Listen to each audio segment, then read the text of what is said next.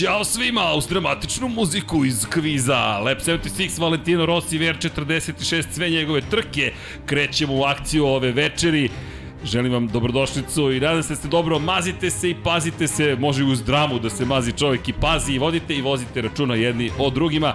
Nadam se da ste dobro, sreda je veče, mi ko zna gde smo, što Dejan Potkonjak, moji dragi prijatelji i kolega, što naravno ekipa Infinity Lighthouse i 70, Lab 76, jedno htjereći 99 yardi, prebacih se u petak, ali nije, nedelja veče, nešto smo pričali, kujemo planova za 99 yardi, pričat ćemo vam o tome, ali nedelja je, Dek i ja smo se našli da ispričamo priču o velikoj nagradi Velike Britanije, Vanja, ovo je baš dramatična muzika, je osjećaj kao da sam u nekom Batman filmu, ali nismo, nego smo u nekom drugom filmu, pričat ćemo o velikoj nagradi Velike Britanije, pa da počnemo, Deki.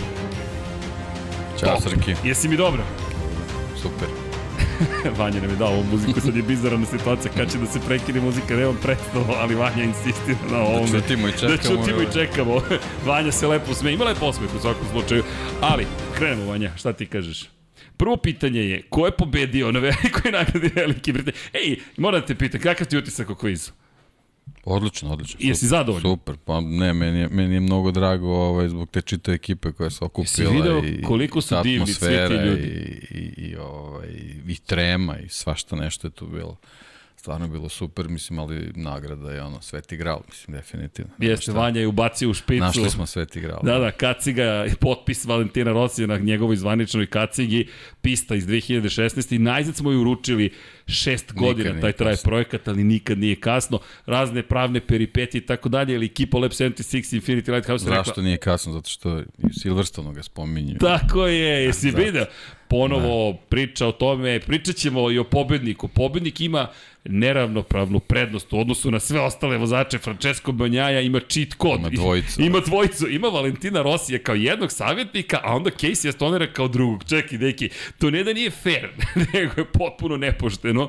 Ja, a bi, ja bih pritom, uveo neki koeficijent za bodove. Ne Bukvalno. može da se boduje ovako. A pritom ga gleda Jack Miller danas na konferenciji za medije Australije, pošto je danas, nedelje, ljudi, ovo je premijera od 21 čas u sredu, ali tu nam je inače gospodin Nebojša Živanović, pozdrav za gospodina iz Amsterdama, koji je nama bio domaćin, konkretno meni, ja sam kao predsednik Lab 76, inače jedan od naših pokrovitelja, tako da gospodin Patreon je stigao, a stigla i majica Kimira i Konena u Holandiju, tako da gde god da ste, stižu pošiljke, tu je koleginica iz prodaje, koja sve to završi za tili čas, tu je naravno standardno Vanja, Vanja živim u studiju, tako to je potpis, ali Tu su svi koji rade nedelju.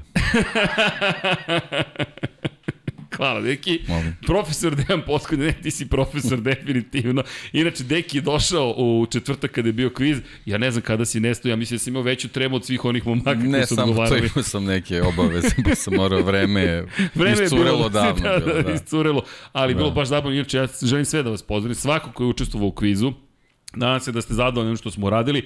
Imamo mi još što to učimo, ali mi smo prezadovoljni što smo uspeli da uradimo nešto. Po, posebnu pohvalu za Vanju i za Petra. Njih dvojica zaista su se potrudili da se stvari pomere. Radili grafike, žrebove, većali šta, kako, gde. Terali mene da, da menjam igre, loše bodovanje, mora bolje i tako dalje. Standardno deki, standardno koleginica iz prodaje koje donosi ozbiljnost celom projektu, ali činjenica smo se zaista lepo zabavili. Ono što je meni bilo fascinantno je dobrota koja, koja prosto isijava iz svih tih ljudi. Jel se slažeš da po, pogrešio sam, ma nema problema, sredit ćemo, dogovorit ćemo se sve. Na kraju, otišla kaciga mladenu u ruke i ja se nadam da uživa da negde, bukvalno aplauz, molim vas, jednom. još jednom, mladene, svaka Bravo, Mladene. čast. Baš, ali taj moment moram ti priznati, jer to ti režira, kosmos režira, život režira te stvari. Sedim i razmišljam, sad ne mogu da, da, da budem oduševljen kao u komentarisanju, kao, jao, kakva pobeda ili nešto. Prosto tu sedi čovek koji je upravo ostao bez kacige, onda ti je nekako krivo, a istovremeno kakav moment, zaista igra se zove poslednji krug i koliko uzastopnih plasmana na pobedničko postolje imao Valentino Rossi u završnici 2014. i početkom 2015.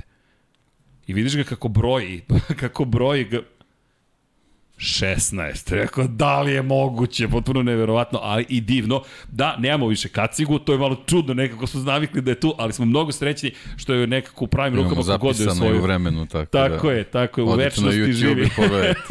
živi ta kaciga, ali činjenica da je zaista nešto lepo, mi mislimo da je nešto lepo učinjeno. Među vremenu hvala celoj ekipi Leopard Racinga, pričat ćemo i o njoj. Možda, samo možda, pošto volimo da bude autentično, da nam se pridruži gospodin Miodrag Kotor, trenutno je u letu. Rekao, ukoliko bude mogao dok snimate da se uključim, vrlo rado ću to da učinim, ukoliko ne, vidjet ćemo ga u Austriji pa ćemo da pričamo. Gospodin Kotor koji danas imao razloga puno za slavnje, inače pobjeda Denisa Fođe u Moto trojkama, u Moto 2 Augusto Fernandez, da te citiram, očekivano. Ba sad neki zadovoljno brk se sme zašto zato što je rekao pre dve godine Ma Augusto dobro, Fernandez. da, da, ne, ne, ne, ne mislim ništa loše, samo pozitivno jer ti si taj koji koji, koji da, pre dve godine rekao Augusto Fernandez je rekao ok, deki isto ko Paja. Ovde Nostradamus i samo sede oko mene, ja tu malo pričam i dvojici izbacuju znanje i to je zabava, ali činjenici zaista bio spektakularni, naravno Francesco Peko Banjaja, jedno od njegovih zaista najboljih pobjeda i Sa vetrom u leđima. kompletno sa ve... s vetrom u leđima, ali Svi ba- vetar u prsa, ono leđe. ali baš je bilo dobro. Šalim Danas je bio pravi trkački dan i Silverstone je ponovo pokazao zašto ti ja smo baš pričali pre početka, baš diskutujemo svi ovde šta je Grand Prix staza, šta su velike nagrade i osvrnuo bih se na trenutak na nešto što smo pričali u sredu i to je te razlike između Superbajka i Grand Prix trkanja. Ljudi, danas ste mogli da vidite preciznost koja je neophodna u Grand Prix trkanju u 6,5 sekundi na kraju trke u Silverstonu, koji je na stazi dugačkoj 5900 metara, tehnički jednoj veoma zahtevnoj brzoj stazi, 10 najboljih vozača sveta u 6,6 sekundi posle 40 minuta trkanja. Nema ni, evo, 1, 2, 3, 4, 5, 6, to je to.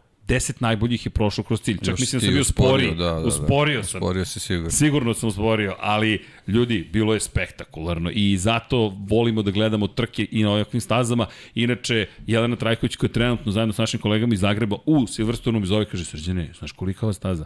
Znam, Jeco, kad god na aerodrom, tolika je staza, jer to jeste aerodrom i to se nekako i videlo u, u trkama. Utisak nekako je Jacka Millera možda najbolji koji je rekao, to je prava Grand Prix staza. Svaki motocikl je mogao da bira svoju putanju, prednosti svakog motora su došle do izražaja i mane svakako, ali mnogo više prednosti i otud na čemu god da ste bili, KTM-u, Suzuki, u Aprili, Yamahi, Ducatiju. Nema šta, i kvalifikacije i, i najbolje vremena po sektorima. Baš si ti čitao. Si video? Svi su bili tu. Kakvo društvo? I ti nemaš I savršen krug. KTM, i Aprilia, i Ducati, i Yamaha, svi su tu. I ne, ne možeš te dve desetinke, tri do, do savršenog Do kruga. savršenog kruga, nemoguće, nema nemoguće da jedan vozač spoji. Čak je ovde došlo do toga da imamo pola sekunde kada se saberu najbolje vremena, što je pokazatelj koliko je teško imati jedan zaista savršen krug i osam vozača u kvalifikacijama inače oborilo rekord staze 1.58.1, ne znam napamet tačno u hiljaditinku koji je, koji je bio rekord, Mark Marquez ga je postoji 2019. njegov krug je zaista bio na tom nivou gotovo savršenstva tada, osam vozača je vozilo bolje od toga. Aleš Espargaro, još jedan od heroja koji je povređen u kvalifikacijama, izbačen sa 170 km na čas na glavu, bukvalno telo je pao, jednostavno ni na noge se dočekali nešto, ne, nego leđa, bukvalno jedva je stajao, jedva je hodao, vozi prvi krug u istoriji brže od 1.58 i onda pomisliš, o, ovo će biti ozbiljan I krug. Joan Mir ima grozne kvalifikacije sa 70-inki za start. Razumeš? I pritom, oni dolaze do toga da još sedam ljudi vozi bolje od tog Markezovog rekorda i šesti startuje Aleš Espargaro. A Joan Mir, što ti kažeš, tamo negde 11. otprilike, šta si radio? Pa imam 58-4 na Silverstonu. Strašno. Kao katastrofa sam. Katastrofa sam koliko sam loš zapravo. Pri čemu svega je bilo, Alex Rins u kvalifikacijama dobije tvrdu gumu napred. Ekipa pogreši boju gume i stavi žutu tvrdu umjesto bele meke gume. I čovjek izađe i kaže, vidim da da, da nešto ne, nije to to. Nešto ne leži. Nešto ne leži kako treba. Kaže, malo mi je to poljuljalo samopouzdanje. To su sve neke od mikro prič, pričice koje dolaze iz Silverstone, ali Zovi Šarla Leclera da vidiš kako je. O, deki, o, deki, o, deki. To Čuvaj, su te tvrde gume. Nemojte nikada Mortal Kombat da. igrati protiv Dekija. On je jedan koji ima onaj trik, pomisliš gotov je. Ne, ne, ne, samo glava odleti i kaže, ok, fatality. I to bi bilo to. Ovo je bilo surovo, moram ti priznati, ali surovo istinito. Istinito. Istinito. Realno dobacuje publika, imamo publiku danas, lepo je videti ekipu i hvala ti što si sa nama, mnogo lepo. Nedelje uveče, obično sada nema nikoga nedeljom, ali imamo publiku i to je baš dobro. I mi se inače spremamo malo mikro odmor, otprilike brzo će da prođe, ali da, ne, ne znam ni da krenemo, mi smo već krenuli uveliko, već smo rekli ko su pobednici, često da ispoštujemo i neku formu, ovo je bila prva trka posle pet nedelja, 35 dana smo čekali na trku, Negde se videlo, moram ti priznati, na početku, u petak, otprilike čak i za mene, čekaj, šta sad, kako, Formula 1, ok, ali dok se vratiš nekako u Pa formu. dobro, da li ono prinudno pre, predugačka pauza. Da, prinudno predugačka da, pauza. Nije, nije planirano tako da bude. Ne, nije, Finska trebalo da, bude na programu tre, tri nedelje, tako da bismo imali zapravo skok od, ne, nije ni skok, imali bismo jednu pa, nedelju pauze, odmah bi došla Finska i potom bi samo tri nedelje zapravo I te bilo tri nedelje su generalno optimalne. Sasvim, sasvim Odmoriš ok se. da se, da se napune baterije ovih, ovih pet nedelja baš a, kao što kažeš, videlo se ti, tim prvim izlacima na stazu da, da treba malo da se uvozaju. Pa Jer oni jednostavno nemaju priliku da treniraju, to smo već sto puta rekli, Moto Grand Prix motocikl pet nedelja nisu videli, tako da stvarno je nezgodno. Pazi, vodeći u šampionatu, Fabio Quartararo, svetski šampion, kaže, zaboravio sam koliko snažno koče ovi motocikli i, nje, bilo mu je potrebno nekoliko krugova da se privikne na snagu kočenja, to kaže Fabio Quartararo, koji je genijalan na kočnicama i kaže, opet me zbunilo kad sam prvi put uhvatio kočnicu koliko snažno koče. Samo pokazatelj koliko je bitno da budete u formi, u ritmu i i koliko znače te velike pauze.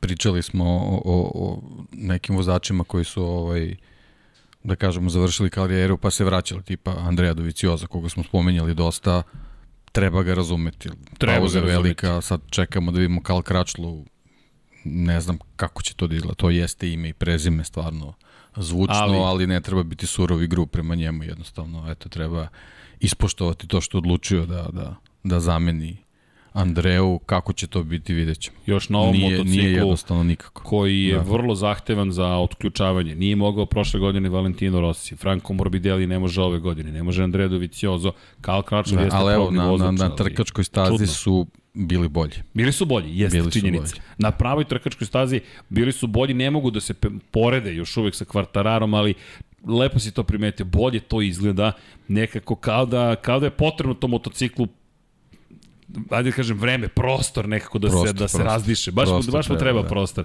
I jeste bio bolji, opet nisu se pomerili nešto previše unapred, ali bolje izgledalo. Jedan bod Jedan bod, pazi, i to posle, po, posle svega. za Franka. Da. Ali mnogo lepih priča. U svakom slučaju stigli smo u Silverstone i u tom momentu 21 poen prednosti za Fabio Quartararo nusu na Aleša Spargara. Glavna priča, pored toga je što je to manje od jedne pobede i što ima kaznu zapravo iz Holandije. Ne bih ulazio dodatnu analizu, nego smo se složili da se ne Aleš, slažemo sa Aleš sudijama. dobio fore, ali onda je odlučio sam da upropasti to. Bukvalno, pri čemu bespotrebno. Rekao da je glupo da ima fore, ajde Ali bolje da... Kao da, jesi primetio da svaki put. Da. kada dobije foru ili kada dobije priliku da se nešto desi, Aleš, kao da ima taj moment. Dobro, ovo, ovo je moglo mnogo gore da bude. Ovo, deki, da. on je sjajno prošao. Ovo je ala Luka Marini u Le U Manu. Limanu pre dve godine. Luka se oporavljao šest meseci od toga. Luka je lansiran bio da. iznad trasa u našem studiju, otišao nekih skoro 5 metara visine i zaista zastrašujući incident, pri čemu to je ono spuštanje ispod Dunlop mosta u Le Manu, ko gleda trke, bilo ko je znao o čemu pričamo, ideš na dole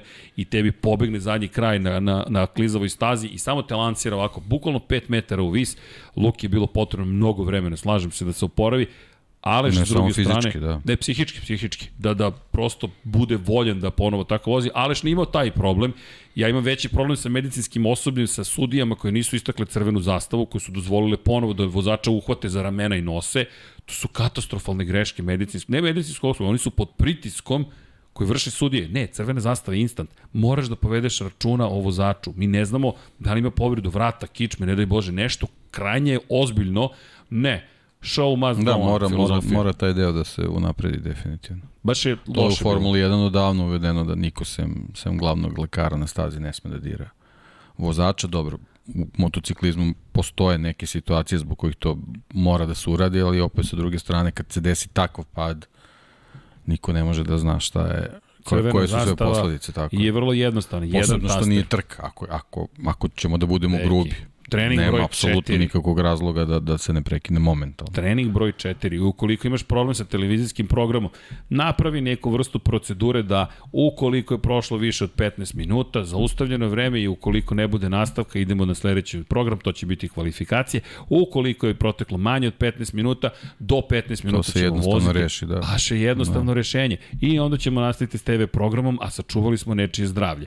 I zaista ozbiljno kritikujem Angelu Čarteu što je uopšte dozvolio, pri čemu razumijem i pritisak tog show biznis momenta, ali ljudi moraju da budu zaštićeni. Casey Stoner, tu se slažem s Jelenom, Jelena rekla, pre 10 godina čovjek priča o tome, mi smo se vratili 10 godina nazad na diskusije koje je vodio Casey Stoner kada je odlazio u penziju, kada smo izgubili Marka Simončelija, nismo ga zbog toga izgubili, ali setimo se Šojetom iz Ave, njega su grešno izneli sa staze, samo su ga ovako odvukli sa staze da ne bi zaustavili trku. Da je Giro Kato. Katastrofa, da je Giro Kato. Ništa se nije desilo, pa, nije zaustavljena trka. Dugo se vodio proces, neki su tvrdili da, da su o, o povrede opasne po život između oslog nastale i prilikom nošenja van staze.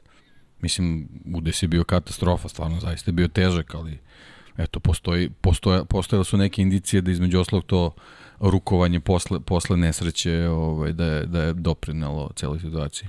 Što je lako sprečiti. Crvena zastava, kraj priče, idemo dalje. Ali, okej, okay, to je neka tema o kojoj ćemo sigurno još pričati, međutim, odneli su priču na drugu stranu superheroji. Aleš Espargaro, njegova supruga takođe, koja je sa njim sela na skuter, pričemu njemu, njemu nema čizme desne, on u čarapama se šeta po onom medicinskom centru, otkopča na zaštitno odelo, pločice i ispala, jednostavno pocepana, pod, pod majica mu je pocepana, sve, podkošulje zapravo, sve je uništeno, on čovjek ustaje i uh, jedva hoda, ali Pat da vozi. koji ni kengur ne bi izdržao. Pa buk.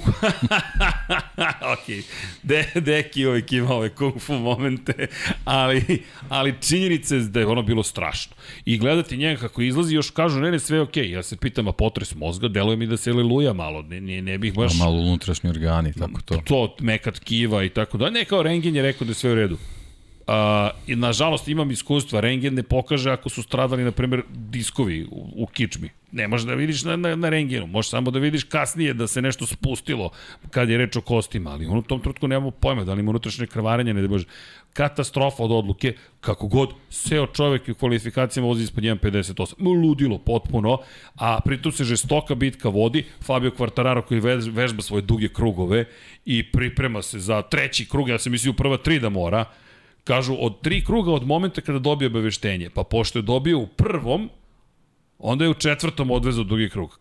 Ja, ja deki zaista ne razumem više pravilnik zaista ne razumem, još izbace poruku Majka Weba, direktora Trke, u tri kruga od kad je dobio obaveštenje. Obaveštenje je dobio u Asenu. Ako ćemo popro... Pa ne, vidi, ako ćeš tako, do, tad je dobio obaveštenje. Dakle, on zna, još mu ekipa izbacuje poruku dugi krug. Dugi krug dugi krug i onda u četvrtom odveze dugi krug. Ja kažem, ok, možda Mark Marquez da se žali na suspenziju iz Australije 2013. Tad su dobro izbrojali krugove, moraju, koliko sećamo, u 9, 8 krugova da odveze, on u devetom otišao. Crna zastava, kraj, i Lorenzo se otvorila prilika, ali Marquez ipak se odbranio kako god, odradio je kaznu kasnije, ali ajde da se vrati samo korak unazad. Na startu trke Joan Zarko na pol poziciji. I cijela fanfare priča, evo ga Zarko salto unazad. Pad u kom? Četvrtom krugu. Petom. Ne sećam se tačno u kom krugu je pao.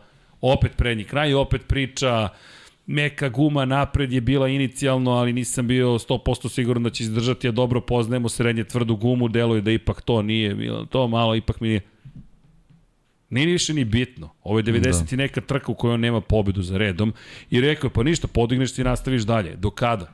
Do kada? Jer mi pričamo o jednoj toj prvoj pobedi, to je sada postala ne psihološka barijera, nego to je bedem. Pa da, ali, ali definitivno tu je, i dalje ono, talenat je tu želja, brzina, sve, ali možda, možda Ducati nije taj motocikl da, da se na njemu ovo, juri ta prva pobeda. Možda, možda može i to da bude.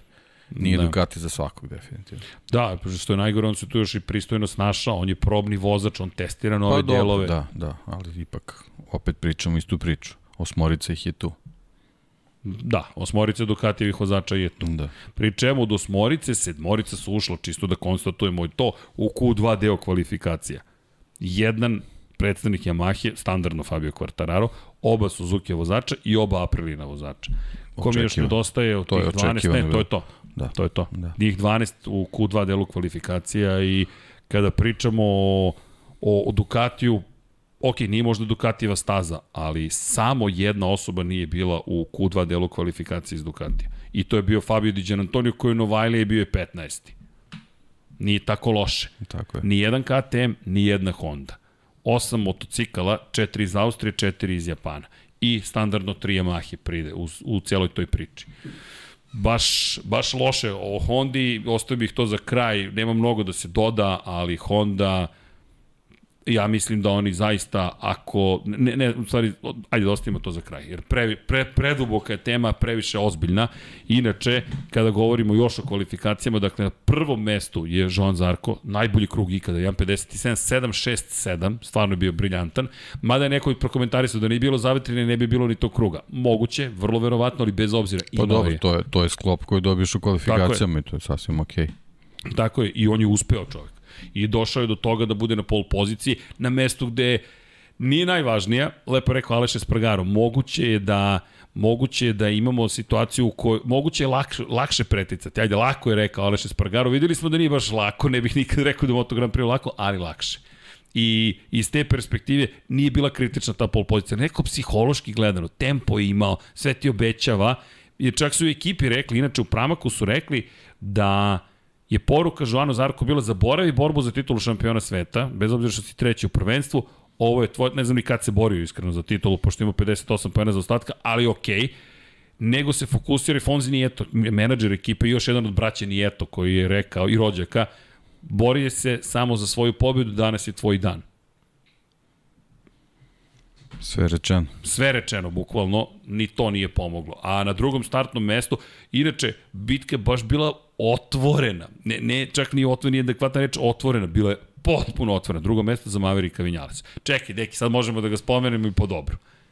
Si skupio? Pa ne, opet je ono očekivano. Apriliju smo svrstali u, u, ovaj, u, u, tu, u tu grupu motocikala koji stvarno koji mogu svojim vozačima da donesu uh, ozbiljnu brzinu u, u Silverstonu, a sve je bilo vezano za prošlogodišnji nastup Aleša Espargara i ispostavilo se da je to zaista tako ova staza u potpunosti odgovara Aprili, možda čak i više nego... Više nego, nego Argentina. Da, i više nego drugim motociklima i ovde je samo jedina šteta što nismo imali ovaj 100% spremnog Aleša za, za ovaj kvalifikacije, da u stvari vidimo možda maksimum tog motocikla, pošto mislim da je, da je Aleš i dalje brži od, od Maverika, ali ovo, ova borba za, za prvo mesto je to što je Maveriku i trebalo, tako da mislim da je apsolutno zadovoljan da je ovo ravno pobedi. Jeste, i tako su i slavili u aprili, da. ali krenulo je još u kvalifikacijama i lepo je bilo vidjeti ga u borbi za pol poziciju, raspoložen, brz,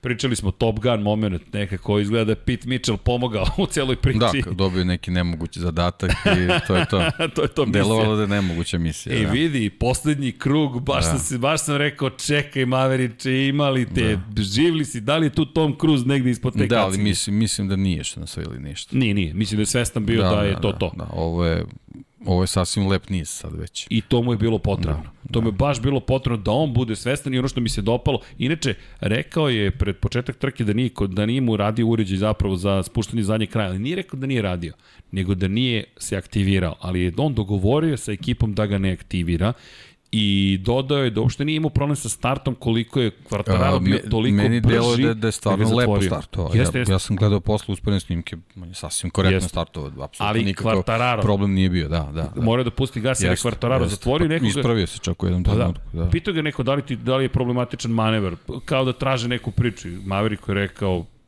ne, ne razumem, to je da. Moto, trkanje. Kaže, to, to se radi na start, ne, ne znam šta drugo da. da radi Fabio Quartararo, bori se za svoju poziciju i stvarno su bili sjajni po tom pitanju.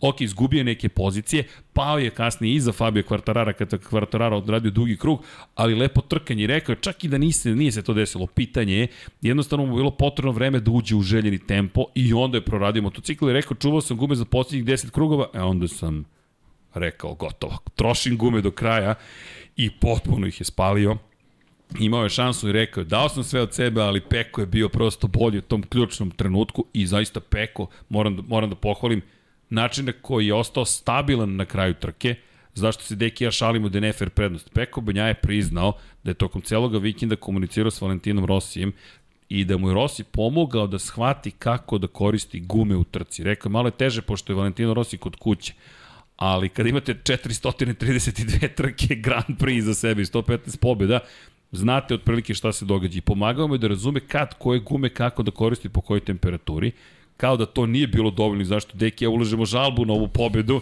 jer su pobedili Stoner, Rossi i Banjaja, posle je poslao poruku Casey Stoneru, da li imaš neku preporuku za mene kako da vozim Silverstone?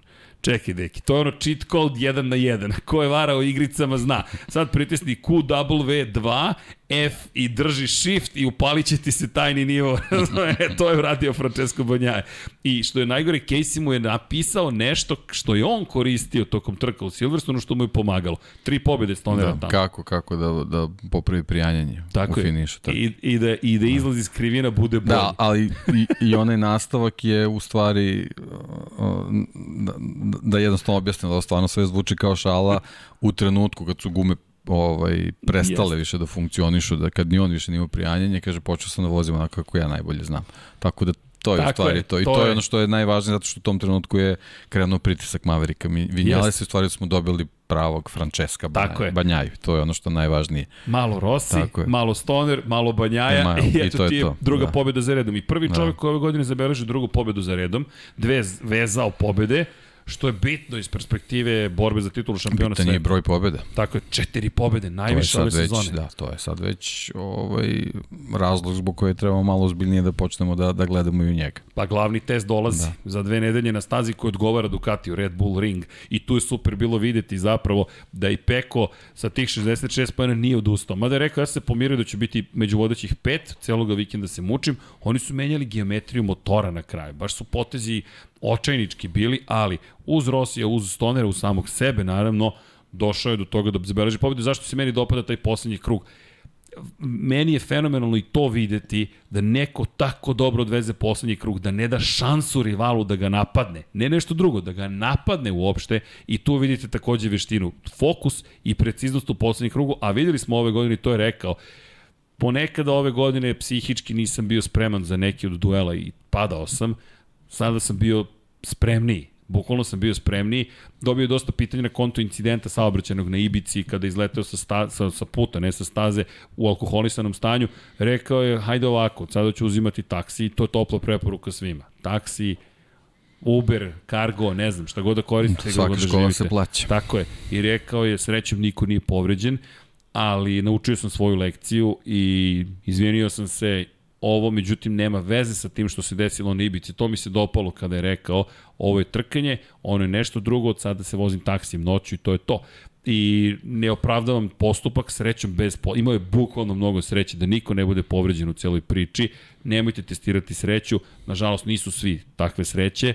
Tako da povedite računa, ja vas, cijela ekipa vas moli da povedite računa. Ok, uživate u kapljici ili šta god, kontrolisano, umereno, ali nemojte da vozite zaista nemojte da vozite, jer nije pojent da se sačuvate svaki put, nego onaj samo jedan put kada se nešto desi. Tako da, to je i lepa poruka Banjaje, ali ovo je bilo fenomenalno vidjeti da je ostao stabilan uprko svim pritiscima koje je osetio i završio na prvoj poziciji. Velika pobeda, baš velika pobeda, on je rekao, ja smatram da ovo je moja najveća pobeda. A to je momak koji je pobeđivo na Mahindri, na nekoj Mahindri, u Moto trojkama, u Asenu je pobedio na Mahindri, prosto svi su oni brzi, ali ima tih momenta koji mogu da te definišu i sada je razlika ispod 50 poena. Zahvaljujući činjenici da je 8 poena osvojio Fabio Quartarto koji se ozbiljno mučio.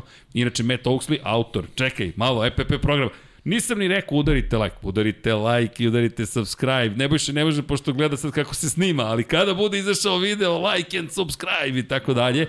Zato što algoritam, ljudi, čak i YouTube, jesi video YouTube kako da nam pomogne da bolje razumemo algoritam? Rekao, ovo ili je vrhunski to, cinizam ili kao Casey Stoner, kako da poboljšaš izlaz iz krivine. Udrite like, udrite subscribe, kao Nebojša, patreon.com kroz Infinity Lighthouse čovjek Ako ste da Rossi pomogne Banjaju, idete like, ako ste za Stonera, idete subscribe. Tako je, ako želite da podele tajne i sa drugima, vidite na patreon.com kroz Infinity Lighthouse. U slučaju da želite uspeh i za neki drugi vozače, shop.infinitylighthouse.com, jer to je naše gorivo, to nas pogoni i onda smo mi još bolji i brži i valjda pametniji. Ja vidiš ekipu da Rossi Stoner na zidu to bi stvarno... Zamisli njih dvojica stoje i če... Ali to je ta slika. Pazi, ovo je bila kolaboracija. Ovo je bila... Pazi, Stoner i Rossi, ko ih je spojio? Francesco Banjaja. Zamisli koliko je on divan kada njemu pomažu i jedan i drugi. Ali zaista koliko je on divan, stvarno da ste divan jedan momak, toliko jedan pristojan momak. Ponekad se pitaš da li će među ovim ajkulama uspeti, A ako bih ga nazvao delfinom, delfini uopšte nisu naivni, onda da se razumemo. Pogotovo najveći iz porodice delfina, popularni Orkinus orka ili ti kitubica. Tako da, polako. Možda je baby face, ali danas je baš žestoko vozio i sviđa mi se kako je čekao svoje prilike iza preticanja. Pohvali za Jacka Millera, treći prošao kroz čir Jack, na drugom Ducatiju fabričkom. Od, od kad su ga otpustili, stvari su došle na svoje, otprilike kod Jacka Millera. Pa, Ducati priča. Bu, ali bukvalno Ducati, otpustite me da bih mogao da vozim bolje od ovoga. Ne, zaista neverovatno. Inače, apropo Jacka Millera, Jack je šesti u šampionatu. U poslednje tri trke od kad je dobio otkaz, dva treća mesta i jedno šesto nemam reči, pre toga 14. 12. 14. 15. i tako dalje, ali dobro, svu sreću želimo svakako u KTM-u, lepo je bilo vidjeti, međutim da je raspoložen i Jack je baš bio u elementu, odlično vožnja, rekao je, ja sam dao sve od sebe, nisam mogao bolje od ovoga. Prosto možda meka guma nije bila najbolji izbor, pošto on jedini od vodećih završio s mekom gumom napred, ali bez obzira imao sam bolji osjećaj s tom mekom gumom. Što je pokazatelj za Zarka, možda je mogao da ostane sa mekom gumom napred, ali je dobro, da ne otvaram tu priču. Jack imao lepe bitke sa Rinsom. Rins, pre nego što se, pre, ne da ne idemo samo hronološki, Alex Rins, nestade čovek u da, trke. kako je krenulo, delovalo onako, ono što smo i najavili, da to stvarno možda bude njegova trka, ali on, on definitivno tu stazu ima neko znanje koje, koje drugi nemaju, međutim gume su Jednostavno nije, nije mogo protiv njih. Ne, nije mogao i on to je rekao, je, to je to. u početku, kada bih blago otvarao gas, nisam proklizavao, sve, sve je funkcionisalo kako treba. Međutim, onoga momenta kada me pretekao Jack Miller, motor je prestao da se ponaša kao u treninzima.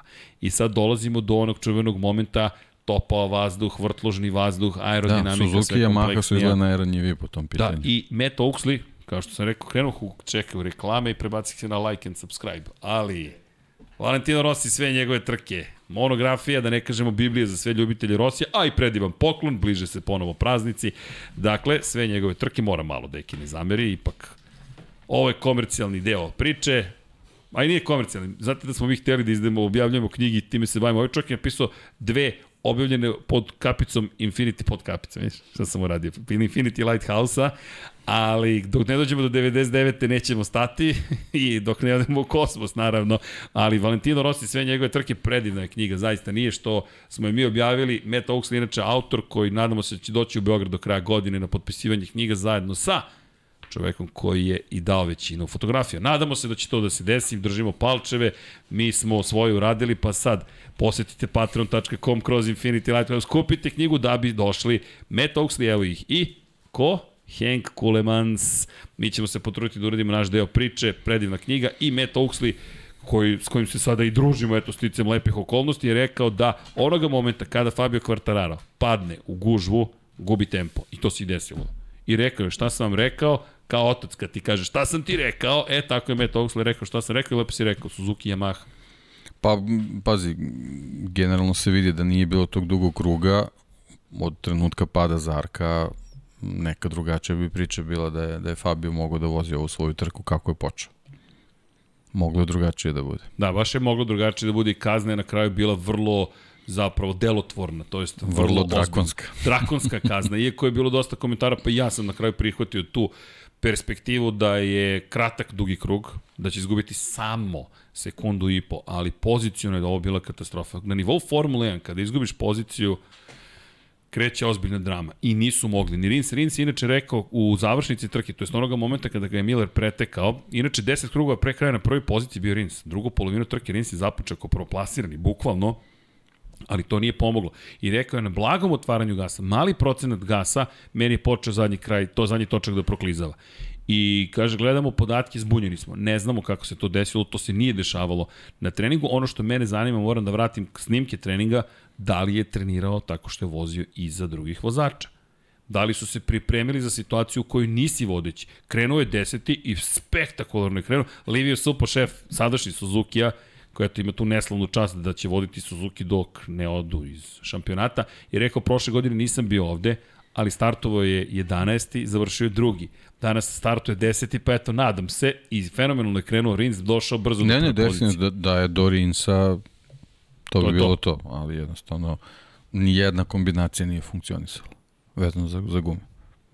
Mislim da, mislim da, da, da je zato i bio taj potest, ta, ta promena pre, pred start, jer jednostavno nisam siguran koja bi uopšte donela celu trku na, na dobrom nivou. Da li bi srednje tvrdoće guma pomogla? pitanje, stvarno je pitanje. Ba, baš je problematična da. situacija i kada pogledamo Tako da, zapravo... da ne bih tu, tu zamenu gledao ni kao grešku, ni kao neko kockanje, nego jednostavno to je onako uz verovatno sve analize shvaćeno kao možda najbolje rešenje od, od loših. Od lo, bukvalno, jer deluje kao da tako, nisu imali tako, više... Ili, ili vidimo i po miru, jednostavno. I on se mnogo mučio, a, a videlo se da, da je raspoložen i da može da ima tempo, ali, ali jednostavno ne. Ubio sam ubeđen da će da. biti Fabio Kvartarar. Kako je doleteo do Fabio, rekao, ok, sada kreće ona najbolja verzija mira. Nije se desilo. Ne, jednostavno ne može, ne drži. Ne drži Pazi, motocikl i to je to. Tvrda guma pozadi za Banjaju, pobednika. Tvrda pozadi za Vinjalisa, drugoplasiranog. Tvrda guma pozadi za Jacka Millera, trećeplasiranog. Tvrda guma pozadi za četvrtoplasiranog Bastianinija. Za petoplasiranog Martina. Za šestoplasiranog Olivieru. Za Rinsa, sedmoplasiranog. Za Kvartarara, Jedino tu dolazimo do srednje tvrde gume na osmoj poziciji. Svi ostali su imali zadnju tvrdu, dakle, ne deluje da je Rins napravio neki loš potez. E sad, da li je možda mogao srednje tvrdoće, ne znam, znaš, koja je teorija? Da, ali on nije, nije, imao, nije imao potrebu za žestokim tempom na početku. Fabio, Fabio je to morao da uradi zbog dugog kruga. Rins nije morao. Rins je gradio poziciju kao što je gradio u sezonama pre ove. Logično bi bilo da ideš sa tvrdom. To su koristili i Aleš Espargaro, i Marko Beceki, i Svi praktično. Brad Binder je prvi sledeći sa srednje tvrdom gumom koji je koristio zapravo, ako pogledamo njega i Oliviru koji imao tvrdu na istom motociklu, Olivira bolje prošao.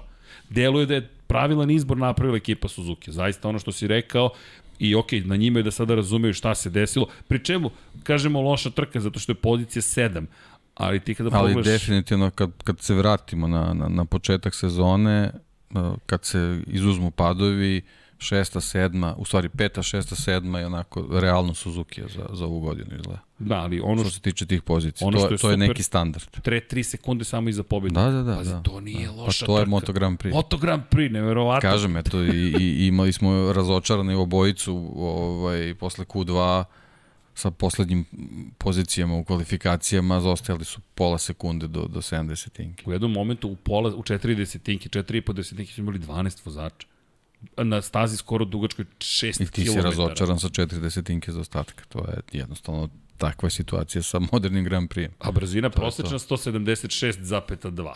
Prosečna brzina na dva točka. da, ne maksimalna, prosečna brzina, dakle kada saberete sve krugove, sve krivine, sve što se dešavalo.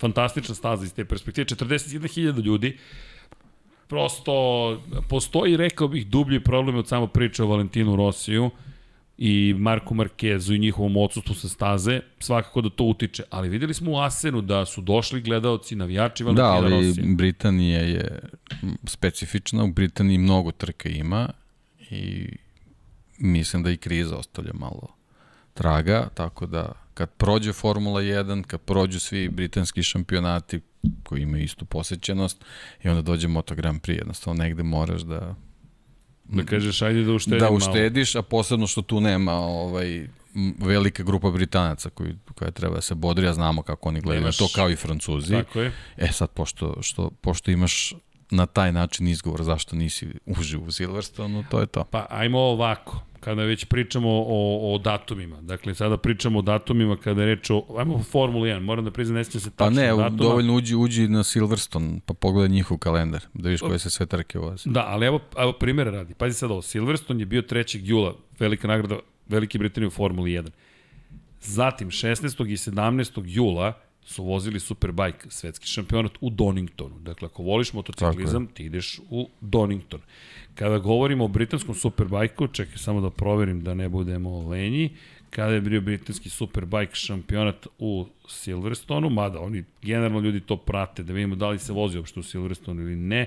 Silverstone na početku 16. 17. pa Alton, pa, pa Donington, Knockhill, Brands Hatch, Truxton. Pa pogledaj od, samo eto tokom jula Cadwell, šta je bilo i početkom avgusta. Pa pogledaj, Brands Hatch je bio u julu, Truxton znači, je 13. Znači, i 14. dovoljno. British Superbike na, na Brands Hatchu, Superbike na, ovaj, na Doningtonu, a imao si Formula 1 već na Silverstone. Tako znači, je. ljubitelji automotosporta u Britaniji će verovatno probati da idu na sve staze i ovo sad već se ponavlja, sezona je odmora i tako dalje i tako dalje. Mislim, mislim da je nezgodna situacija da- Inflacija. da, da pa da, i nezgodna situacija da očekuje 100.000 ljudi na Moto Grand Prix. I ima još jedna tu stvar, da, svakako i Rosijev efekt se osjeća, osjeća se odsustvo Marka Markeza i na sve to onda dodaj u celu priču, to ono što su naše kolege iz Velike Britanije prenele, da praktično nigde nije bilo ni jedne reklame za veliku nagradu Velike Britanije, što me ne iznenađuje. Inače, Dorna je, čini mi se, razvukla palačinku, da se tako izrazim. To je biznis malo terminologija, pancake. Moment, e, uzo si sad si razvukao sve svoje na kup takmičenja, jedno, drugo, treće, osmo, peto, deseto, dvanesto, sve upravljaš iz centrale, ubacio, inače, Red Bullov kup Novajlija, kup talenata Azije, kup talenata Severa, kup talenata Velike Britanije, kup talenata Evrope, juniorsko svetsko prvenstvo, to je junior GP, to je šest takmičenja, još nismo stigli do svetskog prvenstva. Onda imaš Moto3, Moto2, Moto Grand Prix, spakuješ ih zajedno, dodaš na to Moto E, šampionat u celu priču i ti si sada na 10 takmičenja, od kojih su tri najvažnije, jedno mora da bude prvo premijerno takmičenje, a ti imaš isti krug ljudi koji ti radi svih 10 takmičenja. To je čuveno uh, širenje poslovanja kad mu mesto nije. Da, lepo je što želite da imate kup takmičenja, ali nema dovoljno ljudstva na svim tim meridijanima. U jednom momentu je Alberto Puć podizao praktično kup talenata Azije, čovek koji je menadžer Hondine ekipe, da bi to prvenstvo postojalo. Čim se on sklonio, nivo pada prvenstva. Čim se sklone svi ti ključni ljudi, to pada. I to je ono čuveno pravilo, nema dovoljno ljudi. Nije to samo pitanje novca, a kada nema dovoljno ljudi, e onda prestaje da bude dovoljno novca, jer nije mi više to zanimljivo. I, I to mislim da su takođe uradili, tako da sada se štedi gde? Na najgore moguće mesto, čuveno pitanje. Gde ću prvo da isečem troškove? U marketing, daj da ga isečem. Kada bi malo analizirali najuspešnije kompanije na planeti Zemlji, koliko god voleli ili ne voleli marketing, onoga momenta kada ugasite marketing, uglavnom gasite sve, jer ukoliko ljudi ne znaju da postojite, a živimo u vremenu kada se juri delić sekunde ljudske pažnje, jednostavno će to nestati. A Formula 1 je u enormnoj ekspanziji. Investira ogroman novac u različite vide promo, vidove promocije, pri čemu ne samo što si sa MotoGP Unlimited napravio lošu emisiju, nego si je loše plasirao. Pola tržišta još uvek nije dobilo emisiju. Zašto? Zato što su potpisali takav ugovor sa produkcijskom kućom koja je bliska sa Dornom, gde Australija ne može šest meseci da dobije emisiju zato što je to u njihovom vlasništvu čak ni preko Amazon Prime-a. I sve to onda dođe jedan kumulativni efekt, desi se ovo. A trka fantastična. To ti je kao Alfa Romeo kad napravi jedan dobar automobil koji se zove Giulia i onda šest meseci kasni s isporukom automobila. Ne, ne možeš. I ljudi počnu da otkazuju i počnu da kupuju druge automobile slične klase. Nikakav problem. To ti je to. To je bukvalno Kad to. nisi spreman za, za, za, za, za dobru stvar koju napraviš. Za dobar da. proizvod. To je baš veliki problem. Mi smo osetili kako izgleda kada udari stvarnost u stomak, ali smo izgurali i nema predaje sada, ali verujte, baš je bilo drago, pogotovo kada pričamo o Rosijevoj knjizi i hvala vam na poverenju. Bez vas opet to ništa ne bi uspelo, ali hvala vam što razumete i nas. Nismo baš da imamo istoriju ili financije Alfa Romeo i nije to opravdanje, mi smo zagrizli zalogaj koji smo mogli da, jel te, podnesemo, ali smo nismo znali šta nas sve čeka, gde sve leže nepredviđene, uslovno rečeno okolnosti, ali Deki, čak i Deki sada rekao, ok, srđane, sad, sad, sad možemo ponovo neke stvari, da kod Dekija nema kašnjenja. Je to bio rok? Tada će biti, ta, tog dana će se stvari desiti. Koleginici iz prodaje slične, Vanju sam počeo malo da kvarim, ali se ne da.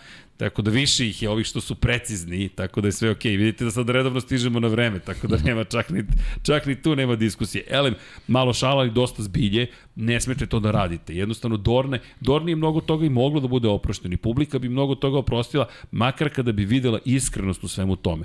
Ali mi deluje da je ovo samo potez iz neznanja. Ne znamo ni šta treba više da radimo. Imali smo Rosija, super, doći će Rosija. Imamo Markeza, super, doći će Markez u Aziji. Pa Markez da, ali imali tržište. su i onaj, da kažemo, kick s odlaganjem trke.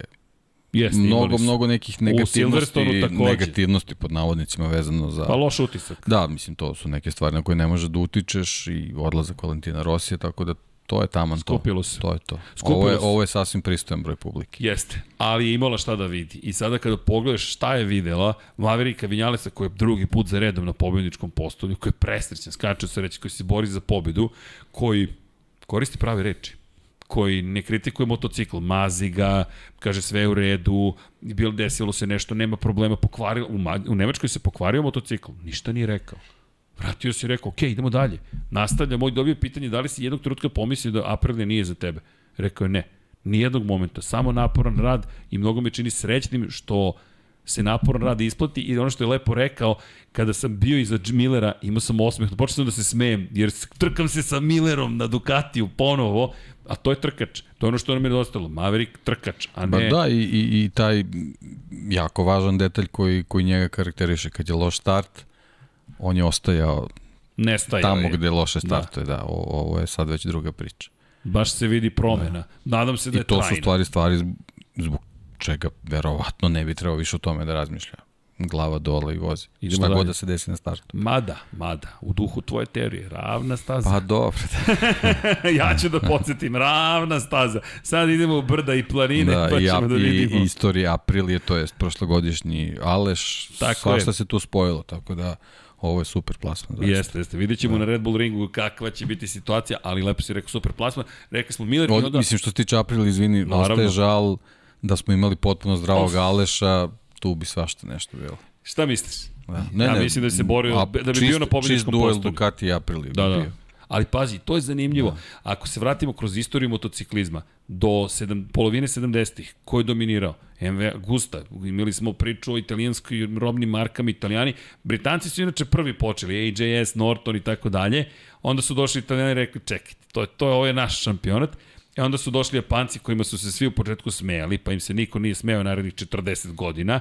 Sada već jedan japanski tim, fabrika odlazi, jedna se muči, druga gotovo da ne postoji, to je treća, a tu su KTM iz Austrije i iz Noalea iz Italije i Bolonja iz Italije Ducati. I baš ozbiljna bitka. Pa vidi se potpuno drugačije filozofije, sve, sve tri marke u odnosu na Japance.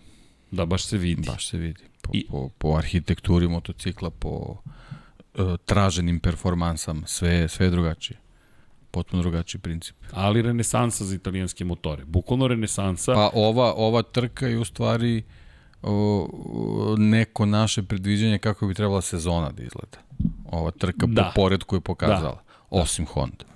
Da, Honda je... Da. Honda mora da se vrati. Honda je Ferrari, Moto Grand Prix. Ljudi, to, to je zastrašujuće da se ovo dešava. Ali desilo se. Sad, da li rešenje leži u gospodinu Markezu koji gleda motociklizam i voli ga, počeo da pliva, pričali smo o tome, velika stvar, ali ja mislim da i on i Honda jedva čekaju da se vrati. U kakvom god stanju, samo se vrati da vidimo šta samo može. Samo da bude 100% spreman, to je, to je najvažnije, to je i, i pre svega ovoga bilo ove, ove druge pauze da nazovemo ovaj, bilo najvažnije, ali evo vidimo da, da, da ponovo se neke stvari nisu ispoštovali, evo opet imamo ovo šta sad imamo, ali dobro da se ne vraćamo sad na tu da. priču, da. važno je da sad bude 100% fit koliko je to moguće. Šta god to 100%, šta god to značilo, 100% značilo da znamo da je 100%. Ali, ovo mogu da snimim kao kratku formu, YouTube Shorts. Mark Marquez je i dalje najuspešniji vozač Honda ove sezone. De, o Bože, komentar Nebojšin. Dakle, to je ceo komentar. O Bože. Ali, realno. realno. 60 poena ima Mark Marquez. Koliko smo puta realno da rekli danas. u realnosti smo alternativno. Vanja, i seci sve što je realno da. i postoji realno. Čekaj, realno. Ćao svima, realno. Nova majica, realno. Iz... Živjeli. Živ, ja nemam, nemam ništa danas, uopšte nemam Vanja nespremni, potpun, nema kafe, nema vode, nema ništa, kao koleginica kaže, ne može ništa da se pije za stolom, tu da mi ispredate sto, kraj, uveli smo, nema ništa, ali Ali da se vratim na ono što je važno. Mark Marquez je i dalje najuspešniji vozač Honda. Mark Marquez je pre 9 nedelja otišao na operacioni 100. Poslednju trku je vozio u Muđelu. Od onda smo i otišli u Katalunju, to jest u Barcelonu. Posle Barcelone smo otišli u Saxonring. Posle toga smo otišli u Asen. Hvala još jednom na kostoprinstvu u Amsterdamu. Zatim smo otišli sada u Veliku Britaniju. To su četiri trke. U tom periodu Pazi, te četiri trke, to je 100 poena. Takaki Nakagami je ukupno osvojio 7 poena u te četiri trke. Ponovit ću još jednom, 7 poena. Jednom je bio 12. jednom je bio 13. Pole Espargaro u te četiri trke osvojio 2 poena. Jednom je bio klasifikovan, dva puta nije, jednom je bio 14. danas. 2 poena. U te četiri trke Alex Marquez je osvojio 7 poena. Jednom je bio 10. jednom nije stigao do cilja, jednom je bio 15. danas nije bio među vodećih 15, ali je klasifikovan. I ostaje mi čovjek koji menja zapravo Marka Markeza, Štefan Bradl je u te četiri trke ukupno osvojio koliko? Nula poena, zato što nema ni jedan jedini poen u ovoj godini. To je Honda. To je Honda ove sezone. Čekaj da sabiremo. Nakagami 45, Pole Spargaro 42. Dobro, imaju više zajedno od Markeza. Katastrofa. Bukvalno katastrofa. Tako da, ovo postaje baš sve italijanski duel i tako će se i nastaviti. Ja ne vidim da će Aprilia stati odjednom na, na, na Red Bull ringu. Pričemu smo prokomentarisali Suzuki problemi sa gumama, Suzuki na Red Bull ringu malo teža situacija. KTM tu vidim da bi mogao da opet domaći Evo, za Suzuki možda, ovaj, možda, možda šikana. Ma, malo bolja situacija A... možda bude zbog šikane, da. da. Ima smisla. Kompromis moraš da, da napraviš u podešavanju opet, motocikla. Opet se vraćamo ovaj, nekako o, o, pad Aleksa Rinsa o, je, je počeo one šampionske sezone Joana Mira posle njegovog pada u, u, na Red Bull ringu da ima priliku da pobedi. Po, po svoje da. performanse. Da, imao je. Tako je delovao.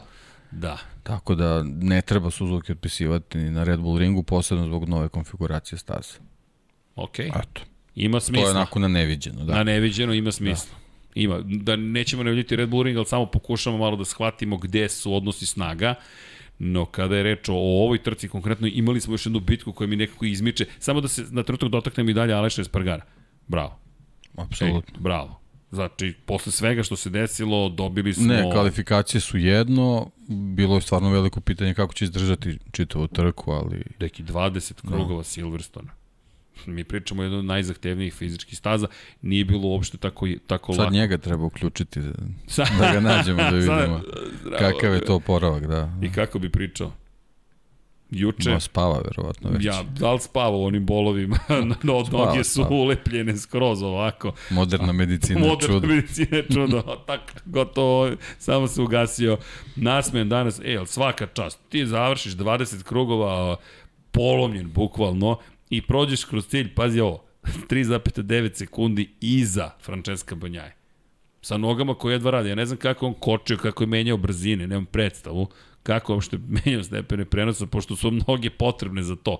Baš vam je potrebno rad nogu, ali ništa ga nije zaustavilo. Volja očigledna, Sad samo mora malo... Adrenalin, da. Adrenalin. Pa to što su pričali, jednu trutku kao da se videlo kada se uključio adrenalin. I vidiš ga kao da ima ispred sebe crvene zastave. Evo me, ne dam, idem. I to mi se dopada. Pri čemu Fabio, naj, najveća enigma mi dalje Fabio, koliko je pozicija tu izgubio. To ono što si lepo rekao, ranjiva Yamaha u gužbi. Ali ti daj recepturu kako Fabio da pobediš. Pogotovo Dukatijevci. Pa da, ali vidiš na, stal, na, na startu trke ni to ne pomože. Ne može, nisu ne mogli da ga prate. ne može, da. Ne, ne, on, on je na, na hladnim gumama, na početku trke, to je to. Ali to je taj Jorge Lorenzo moment. Izbiješ napred i diktiraš tempo. A to mislim da jedino Francesco Banjaja bi mogao da prati.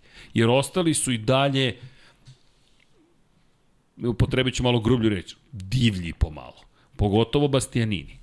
Biću 12. 13. 14. Evo Nebojša koji, koji, koji zapravo ravnotežu pokušava da održi. Pa ne, evo, evo ovo, je, ovo je recept. U stvari, e, kakav je Bastianini trebao da bude u ovim trkama u kojima je pao u kojima je pravio situacije Tako da ide je. na sve ili ništa. Evo, ovo, mada i ovde ima ovo, onaj, onaj poslednji obilazak ovaj, Jorgea Martina je pokazao da, da to i dalje postoji kod njega, ali dobro, sad su neke druge stvari ovaj, u drugačiju ulogu stvari. Ne, ne, nije, nije priča samo o šampionatu, stvari priča o šampionatu je sad već daleka, ali, ali ova aktualna situacija oko pozicije Ducati u stvari možda je možda uslovila ovu, ovu situaciju i, i taj poslednji pa manevar eh, protiv Jorgea. Sve, sve dotle je u stvari recept kako je Nea trebao da vozi čito ovu sezonu. A možda je to i kombinacija svih padova, moguć, grešaka, moguć, problema, da, da, da. pa pritisak Ducatija. Ali veliki plus za njega pre svega zašto je oštećen motocikl Jest. bio na stazi gde je jako bitno da imaš te, te aerodinamika, aerodinamička pomagala, tako posebno na Ducatiju, tako da ovaj, dobra ocena što se tiče trke iza njega, definitivno. Ali baš ovo što si rekao, završio je trku. I ne samo što je završio, nego evo Nebojša je pokušavao balans da uhvati nogom na stolici. Ona scena, neko mi je tweetovao isto tako i Jorge Martin ulazi u tu krivinu. Jeste, ne, ne, ne, nekolicina vozača, ali ne tako ne često. Ne tako ekstremno i, I tako, ne tako često. često da, da. jesu ulazili, ali njegova Da. noga je stalno bila ovako otprilike. Dakle, ti kada pogledaš, on kao da je podigao ruku, jednostavno ovako drži nogu otprilike i vidiš kako balansira na onom motociklu. Jedino što ulazi sa skoro 300 km na čas. Ja sam na to. 0 km Jedino na čas. to, da. Jedino to, taj, taj blagi detalj, to sitnica, ali je fenomenalno i kako se prilagodio. E, sjajno mi je bilo da slušam u, u Asenu konkretno i baš o tome pričao Miguel Olivira. Fenomenalno je koliko oni informacija daju zapravo, samo da poslušate šta kažu. Koji je rekao kada je Mir naglo ukočio na, na, kada da bi zakucao zapravo prednji kraj i pripremio whole shot device, dakle uređaj za spuštanje prednjeg kraja, i u tom momentu prolazi pored Bindera s leve strane i Mira i zakačio Mira, ostaje bez krilca i rekao je, meni je van ravnoteže celu trku bio motocikl. Samo zamislite, 300 km na čas. U Formuli 1 mi pričamo o elementima površinskim koji su ovoliki, ovoliki otprilike, dakle ovoliki malo manje od knjige, koji ozbiljno utiču na ponašanje Formule 1. E sada to stavite na motocikl, Evo, može, ovo je najbolje možda, Ayrton Senna, put ka savršenstvu, shop.infinitylighthouse.com, dakle ti ovoliku površinu otkineš nekome s jedne strane, ostane sa druge. Dakle, ja ovde imam jednu, na početku ovde imam drugu i to je izbalansirano. Ove nema. Ovo je ovde pritisnuto. To znači da ja moram stalno da vučem na ovu stranu zapravo. Kako ću da postignem? Izbacim. Ne, ali ja se uvek setim kad, kad se postave priče da li to uopšte stvarno ima takav efekt, setim se priče Valentina Rosija i, i Katara, gde nije primećivao da mu vazduh na startnom pravcu pritiska kočnicu, Da, da, da. koja je mnogo manja od... Tako je. Ručica je mnogo manja od ove površine. Da, čisto da objasnimo, dakle, kako, kako je vozio, vazduh mu udara udara bukvalno u u kočnicu. Ručicu. I, I ručicu kočnice i koči motocikl. Dakle, i koči mu... Blago, ali koči. Blago, ali koči. Ti sad odjednom gubiš brzinu, nemaš pojma zašto gubiš brzinu. Aj sad ustanovi zašto gubiš brzinu. Odjednom pogledaš aktivirana je kočnica. Kako je aktivirana? Ko, ko je aktivirao prednju? Ja nisam aktivirao prednju kočnicu. Zašto se aktivirala prednja kočnica? Nisam je pipnuo. Pa dok shvatiš, pa staviš onda vetrobran za kočnicu, ali to su ti detalji. Zato je taj njen manevar, ali i ne samo to. Posebno na ovoj stazi. Brzina na ovoj stazi, on je uprkos tome imao enormnu brzinu. I, I ja gledam njegove vremena i baš se je lepo videlo. Vidiš ga na 3 nešto sekunde. Hmm, ajde da vidimo, rekao, ovo je smanjio za par sekundi, nisam Ne, pratio. ovo je, ovo je tipičan ne, znači vozač koji ume tokom trke da, da gradi da gradi brzinu u svom motociklu. To je to je to. I samo samo ono ono što mu nedostaje ne sme da da ide na sve i ništa u nekim trenucima. Eto to je to je to je ono što treba da da ovaj uh, usavrši i biće to mnogo bolje. Vaci Vanja, jel se to neko pridružio ili si to tu meni? A, nećemo sad, ajde, da, pošto je snimak, nećemo da pričamo pre vremena, ali držimo palčeve da ćemo imati još jedno prijatno, osnovno rečeno, iznenađenje za vas. Mi ćemo da ovde startujemo neke stvari, pa eto, držimo palčeve, čekaj, treba da stavim ovde da izaberem, A, malo klikćemo, ok, kad ti budeš pokrenuo virtual, virtual cam, onda ćemo i sebe da vidimo. O, ti mi otimaš, izvini, izvini, otmi, otmi. Kaži, kaži. E, sad uzmi više. To vanje ja, šta je, studijska magija, vi ne vidite, ali mi je vidimo. O, što smo lepi. Samo da uključim full screen. Dobro, Vanja. I onda ću tu da vidimo ukoliko se neko pojavi. Ajde, možda vas obradujemo i sebe, a i nas neko obraduje, vidjet ćemo.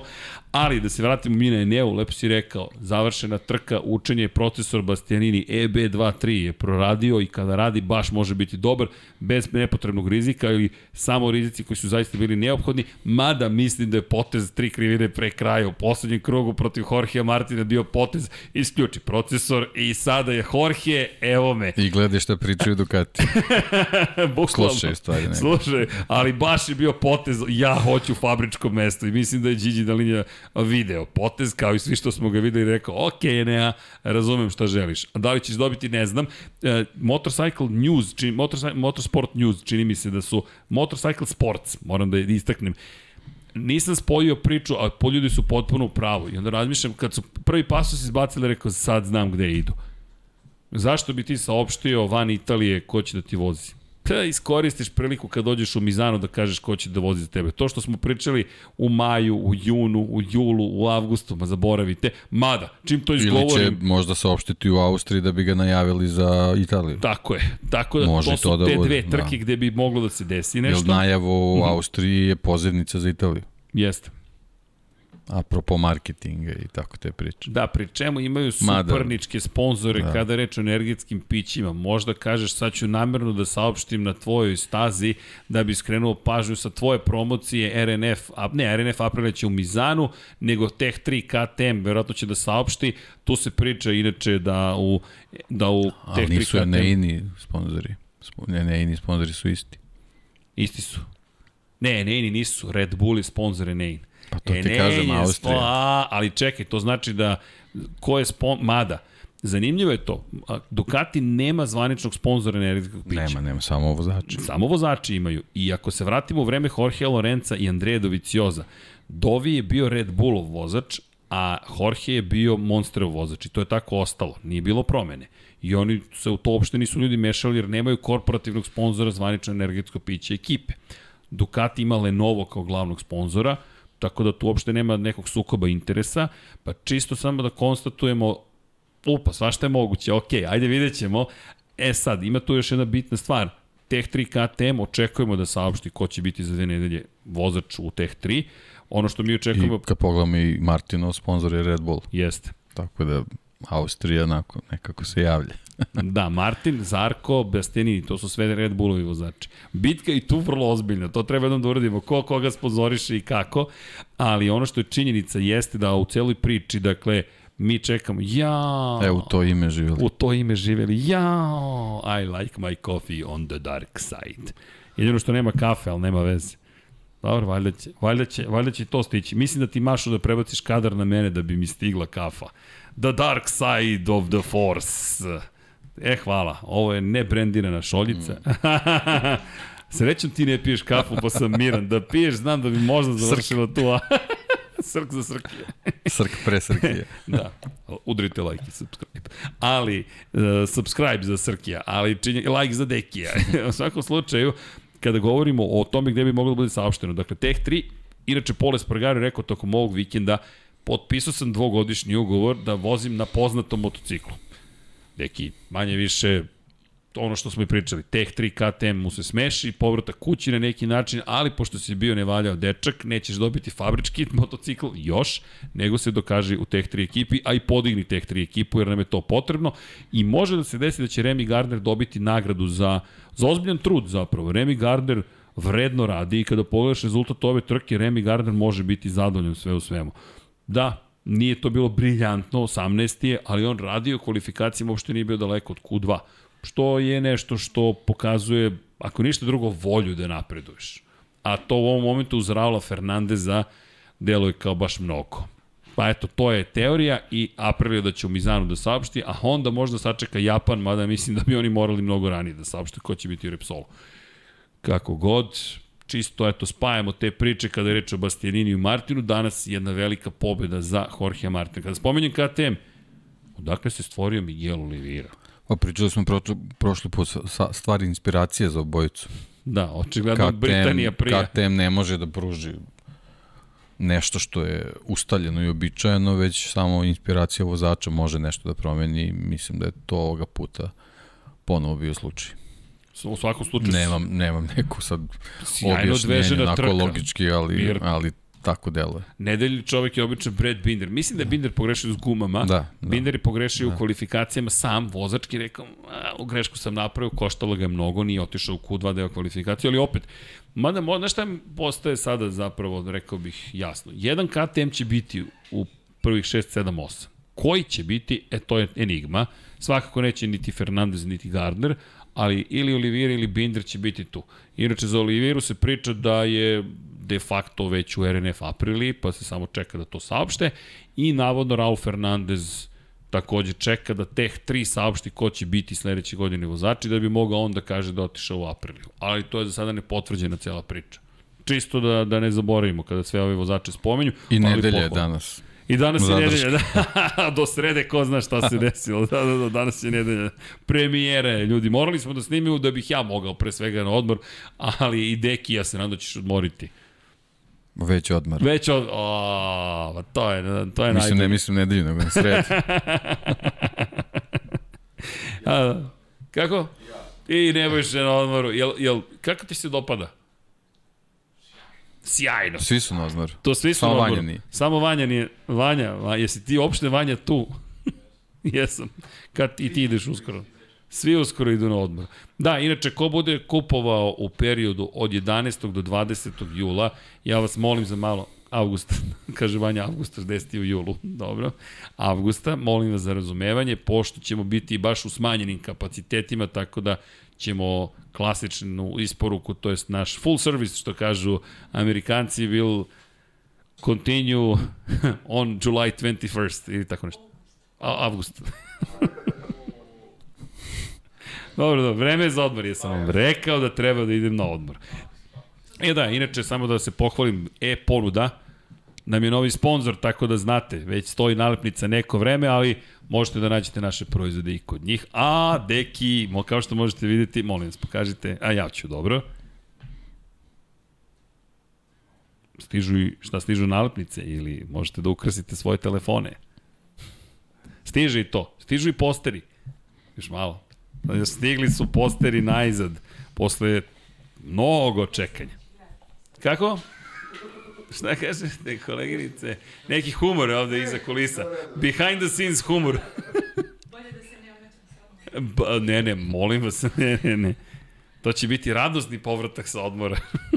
Ali, da se mi vratimo našem jel te, vodnjenom Silverstonu, Olivira, šesti, ispred spomenutog Rinsa, Kvartarara i Aleša Espargara, Judanu Vajlija koji je opet bio odličan, Marko Beceki 6,6 sekundi na 10. poziciji iza vodećeg Krstareća brzina i, i to je to. Deki, on čovjek je da. Fenomenalan. I najlepša mi je njegova izjava. Nisam ni znao koliko je brz i velik Silverstone na ovim motociklima, pošto je, jel te, Ne, ne, on je, on je trkač je pokazuje. Ne. Baš je pokazuje Njemu trkač. Trkačke staze odgovaraju i to je to. I rekao čekam te brze staze za Asen i rekao, jao, jao, ne želim da pada. Kad smo mu rekao, pa imaš veće šanse po kiši, i ne želim da pada kiša, hoću da osetim Asen po je suvom. to, da. to je, e, to je trkač i to je ono što je divno. I zaista fenomenalna desna pozicija. Ispred Breda Bindera je završio koji je 7,7 sekundi bio iza i tu se zaokružuje ta prva grupa u 7,7 sekundi 11 vozača. Kod Marka Beceki je sve dobro i prelepo i lepo, osim činjenice da toliko sada često pobeđuje Luku Marinija, da će tu biti sada jedno veliko pitanje naredne godine ukoliko Marini ne uspe da napravi ozbiljan iskorak, jer koliko god da si dobar ili si povezan s Valentinom Rossi kao njegov brat, u jednom momentu se trkački postave pitanje, jer Luka Marini ima GP22, koji je pobedio danas, on je bio 13,4 sekunde na kraju trke iza tog istog GP 22. Drugi GP 22 je bio treći, treći GP 22 je bio peti, GP 21 prvi je bio četvrti, drugi GP 21 je bio deseti. To je već problem. To sada već pričamo o problemu. Nisi čak ni bio u ovoj vodećoj grupi, pa da se ne bavimo pozicijom, bavimo se vremenom. Baš je mnogo izgubi, izgubljeno vremena i bio je jedva ispred Takakija na Kagami Pola Espargara, što trenutno nije pohvalno na ovim Hondama. Tako da, najveći problem u suštini jeste šta će uraditi Luka Marini, pošto on taj koji ne koristi GP22, da ne kažem da je Zarko bio prvi kada je izleteo na GP22. Tako da praktično Da, su s ga tim svi što možda, pobedili. ajde, minimalno olakšavajuća okolnost da, da, da ne bude sada da, da, da, se pra, da ih pravdam ovaj Ver je nova ekipa u toj čitavoj konstelaciji, a moraju da, da pripremaju dva različita motocikla praktično. Tako da možda imaju tome, ali jednostavno ti možeš da imaš kapacitete kompletne ekipe da bi, da bi mogao da, da obslužuješ čak i dva identična motocikla ovako, pošto imaš dva različita, ni- nisu verovatno u, u svim segmentima razlike ogromne, ali u timu kojima jesu, verovatno se ovaj, i to dolazi do izražaja. Moguće je. I ono što... A i znamo, izvini, GP22 No. ipak pomalo je čitava čitav Ducati od početka malo lutao s tim motociklom, tako da, da možda i to u, ne, u pripremama za određene trke može da predstavlja problem za vozača, konkretno Luku. Razmišljam, znaš, o, o, o svemu što si rekao, možda je to i... Jel, znaš kako, ipak Beceki sede na motocikl koji već funkcioniše godinu i nešto dana.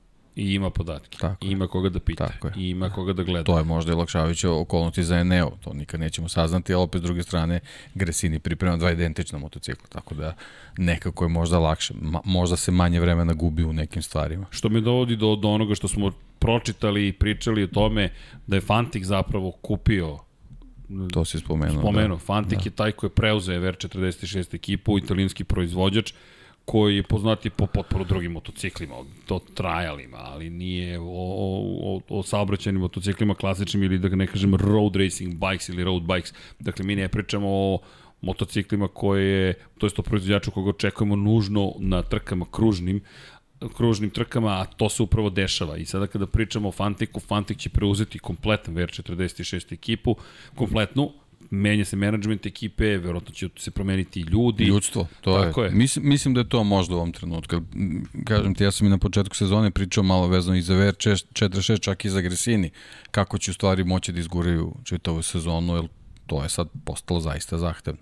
Nisu to one sezone kao pre 10-15 godina gde su ti nezavisni timovi Dobro, tad je bili drugačije situacije, nisu toliko ni konkurentni bili, pa nisu morali takav pritisak ni, ni da imaju, ali ti ako imaš, ako imaš takmičenje da je u 15, u 15 prvih pozicija imaš vozača koji su u manje od jednoj sekundi, to je onako stvarno osbiljen pritisak za, za sve, tako da, da i, i VR46 i, i Gresini sigurno osjećaju već neke posledice ove ovakve naporne sezone, posebno kad pripremaš, kažem, dva različita motocikla, to je onda već malo nezgodno, kao što imamo i, i u RNF-u situaciju isto.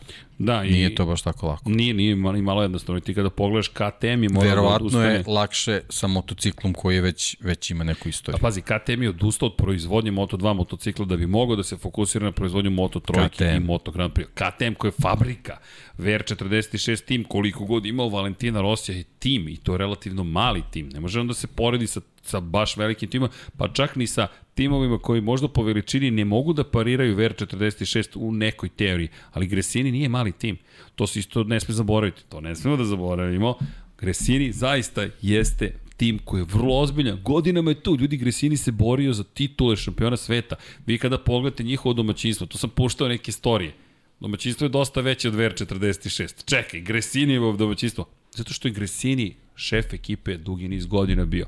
Nadija Padovani je carica. Neverovatno je da je, jer naslediti nečije delo nije tako jednostavno. Nastaviti da vodite nečiju kompaniju, kamoli trkački tim koji uopšte nije zasnovan na logici. To je zasnovano na svemu osim na logici. To su čiste emocije. Logika se tu negde krije da bi taj da bi ta emocija imala neki kostur se pojavljuje neka logika, ali uglavnom skrnavljena logika. Kičma ne stoji pravo, nego je to sklepano da bi držala jedno, jedno veliko srce koje, koje kuca i to je to. Ti znaš o čemu pričam. Trkanje, deki se smeje. Ljudi, logika ostavite na ulazu na, na, na stazu, bukvalno, nema tu nikakve logike. Zašto mehaničari ne spavaju noćima? Ne zbog velike plate, zbog nekog adrenaline i zato mi je posebno bilo lepo komentarisati ove trke, gledati taj trenutak Miodraga Kotora koga podižu njegovi mehaničari, inženjeri, gledati kako slave u, u umereno, ali slave i u, u ekipi Akija Aja, gledati Davida Tardocija u Moto Grand Prix. Davide Tardocija koji je čuveni vozač Superbajka, koji je sada sed, koji ima preko 50 godina, koji pakuje, verujte, on bukvalno sanduke pakuje zajedno sa svojim mehaničarima, ne radi on to da bi njima, ne, ne znam, pokazuje momci, ja sam sa vama, znaju oni da je on sa njima. On to voli da radi. On voli da spakuje kutiju na kojoj piše Ducati, voli da pobedi. Tih pola sata koliko imate od pobedi dok ne krene debriefing, dok ne krene sledeća trka, pa onda malo pauze da proslavite sa vozačima pre nego što krene pakovanje je razlog za koji ljudi to sve rade. Znam da možda zvuči kao da samo za to. Ovo je tekako samo za to, jer to redko ko ima priliku da doživi. Tako da je to mi je mnogo lepo bilo što iz Silverstone nekako je emitovana ta emocija i gledaš i kažeš da, to je to. Tako da, Gresini nije zasnovan u logici. VR46 nije zasnovan u logici. Da, Rossi ima neko svoje carstvo koje se sada održava. Znate, znate na čemu? Na tome da je on opet velika zvezda koja potpisuje sponzorski ugovor i sa sobom vuče ceo svoj gradić zvani i jelte tavulja. Bukvalno, zapošljava ljude, ima fabriku, povećava svoj merchandise. Zašto pričamo o tom merchu čuvenom ili ti robnim markama? Pa i nama to znači. Mi smo mikro, mikro, mikro u odnosu na VR46. Ali verujte, mnogo nam zna... Emotivno, ajde emotivno Videti majice 76 na stazi, videti Nebojšu u stazi koju je osmislio Brđa u svom ludilu je, verujte, to je ta emocija. Majici, majici, ne, sve okej. Okay. Majici, šta sam rekao? Stazi. U stazi. A nema veze. Sve. Samo ti pričaj, bla, bla, bla. Da. Razumemo mi tebe, da. Nisam jedini, ali smo se, ali svi ste razumeli, je li tako? Svi smo Sve se razumeli. Ali u majici videti je fenomenalno. Na stazi, htio sam da kažem, videti majice Lab 76. Proti je radosno. Moram Dorni da kažem, hoću kadar da snimite majicu negde na vezu, da mi snimite Lab 76. Čisto globalna populacija da zna da postojimo. Ali to vidite fenomenalno, ali pride zaista. Nama to omogućava da zaradimo neki novac koji ćemo mi da potrošimo. Dakle, verujte, obogatiti se, ma nismo se obogatili, ako se obogatimo znaćete, ali nama je lepo i ludački je lepo, ali to je tako. E, isto tako sa ekipama, to je sa VR46. Rossi taj novac svoj ne zadržava, sad to troši u ekipu, pa troši, jel te, u čuveni ranč, pa troši na sva moguća mesta da, da stvori još nešto, da, da, da, da, da tu svoju emociju proširi dalje. I lepo si Deki rekao, sve je to super Srki, ali GP21, GP2, ko zna da namesti GP22? Ba, Nebojša. Dođe malo te, evo ušao ga, kao Kotor što je pričao kako su Lorence dal Porto angažu. E, e, čuo sam za njega da je dobar mehanič, aj ga dovedi u ekipu. Pa onda daju Pablo Nijeto da vodi, Fonzi Nijeto vodi Pramak, Angel Nijeto mlađi vodi ekipu Master Campa, zašto Nijetovi? Ljudi su se rodili bukvalno tvoje, da kažem, u tovatnoj masti i garažama moto šampionata. Oni znaju ljude. E, moj rođak, znaš, znam rođaka. Zove rođaka, rođak drži garažu, a on ti je štelovao motore za, za ne znam koga 250 kubika. A, ja, ovaj zna ono što radi kočnice, a ovaj je elektronič. Ljudi, to tako ide. Deki ja možemo da nađemo novinare, ali da nađemo baš Moto Grand Prix mehaničare. Možda bismo mogli, svali bismo nijetove. Pa nije, mislim, ono, Realno, ajmo Realno. da ubacimo reč, da. Ovaj, ovakva konkurencija zahteva da, da bukvalno svaki deo garaže svakog tima ima kvalitetne, kvalitetnu Jest. ekipu. To je jednostavno nemoguće. Realno je nemoguće. Teš, realno je. Realno, pa, ne više realno. Pa ne, ne vredi sad. ne kad vredi smo krenuli, sad, kad smo krenuli da. ovo, Vanja, naziv emisije Realnih Lep 76 sati. Realno, realno neće toliko da traje. Vanja vrši pobunu. A, Vanja, ti si genij. U svakom slučaju, da, realno, ko zna koliko će da traje, ali da, Imamo 12, ne brini Vanja, imamo 12, imamo 12 timova, imamo 12, neće 12 sati, imamo 12 timova. I sad svaki od tih timova treba da zaposli ko zna koliko ljudi. Teško je. Rekli smo, Dorna ne može da se snađe da organizuje sve talent, kupove, kupove talentovanih vozača, kamoli da imaš te timove koji su na tom nivou. Tako da nema budeš mnogo grup prema Luki Marini. Neću, znači, ne, to je, čak, to je bottom ja line. se suzdržavam, da. evo do 30, do 12. trke, Luka je toliko drag, besmisleno je. Mada pobedio me, pobedio me u, u, u stonom futbolu, tako da možda odatle vuče. Moguće, animozitet, moguće. šalim se, nema animoziteta, Luka je jedan divan vozač, divan čovek pre svega. Ele, da se mi vratimo na, na našu stazu i da porazgovaramo još par stvari. Hondu moramo malkice samo još da pokrijemo. Ne, jel moramo? Da, dobro pitanje, ne znam. Ali baš je teško. Ovo je baš neprihvatljivo i gledati Hondu kako osvaja 3 poena u šampionatu konstruktora, a ni jedan vozač nije odustao ili imao... Pa da, ali znaš kako, ako... ako nešto. Da, očigledno postoji problem sa motociklom i sve, ali, ali treba povući paralelu kao što, si, kao što si pričao KTM-u. Ist, nije isti, isti slučaj. Mislim, taj motocikl je pobeđivo, ali, ali definitivno ima nešto i do vozača. Ne, ne, ima do vozača, mnogo ima do vozača. Jer nemoguće da ti čekaš Marka Markeza. U Yamahi nije baš idealna situacija što se tiče motocikla, ali je očigledno do vozača ako se neko bori, bori za titulu. Ali Honda je probala stoliko vozača S Jorgeom ja, sad, Lorenzom ja pričam sa konkretnom ekipom koja se Koja sad nalazi. na Ne, sad- ne, okej. ne, ne ulazim u, u, neke ranije sezone. Jednostavno, nemoguće da ni na jednoj stazi, ni u jednom trenutku niko od njih ne može da pruži ništa. To mi je, to mi je stvarno, koliko god da taj motocikl ne valja. A šta se tu događa? Deki? Pa ne, Šta ne se znam, zaista, znaš, da li, je, da li je to potpuni gubitak samopouzdanja, da li je gubitak kompas u ekipi, da li je Luče Čekinelo ekipa uh, ugušena da, da, da uopšte može da pokaže neku svoju inicijativu, da pokuša tu nešto da uradi. Zaista ne znam, mislim, mnogo smo puta o tome pričali, stalno započinjemo iste priče, ali, ali definitivno nemoguće da, da, da, da nijedan bljesak ne može. Mi, mi smo imali bljesak, uh, Yamahe su bile kakve takve o, od početka sezone, pa si imao bljesak čak i Derina Bindera u nekim situacijama. Imao U Hondi jednostavno, osim Marka Markeza, ništa, ništa se ne dešava, to, to su onako sporadični neki poeni, eto ti si tu jedva sabrao da su oni nešto ispred njega. Bukvalno, dakle, Dakle, ovo je, ovo je, je- baš loše. Tu je, ovaj, mislim da ima, ima dosta i neke njihove krivice, da to tako nazovemo. Jednostavno i oni su ti koji moraju u nekom trenutku da povuku. Ne, znači, ne može da bude situacija, taj motocikl ništa ne valja i to je to. To jednostavno ne može tako da bude, koliko god je loš. Jasno. Tako da, da ne, bih sad vezano samo za ovu trku sad nešto da ih, da ih krivim, ali generalno su, mislim da su morali na određenim mestima da prikažu malo više. Ništa to ne bi promenilo generalnu situaciju, ali jednostavno ovo je baš loše. Deki, jeste nedelja, uveče snimamo, ali slušaj vest, motorsport.com je Spanja. Dobro veče, dobre vesti posle Silverstona. Mark Marquez će biti u padoku u Austriji.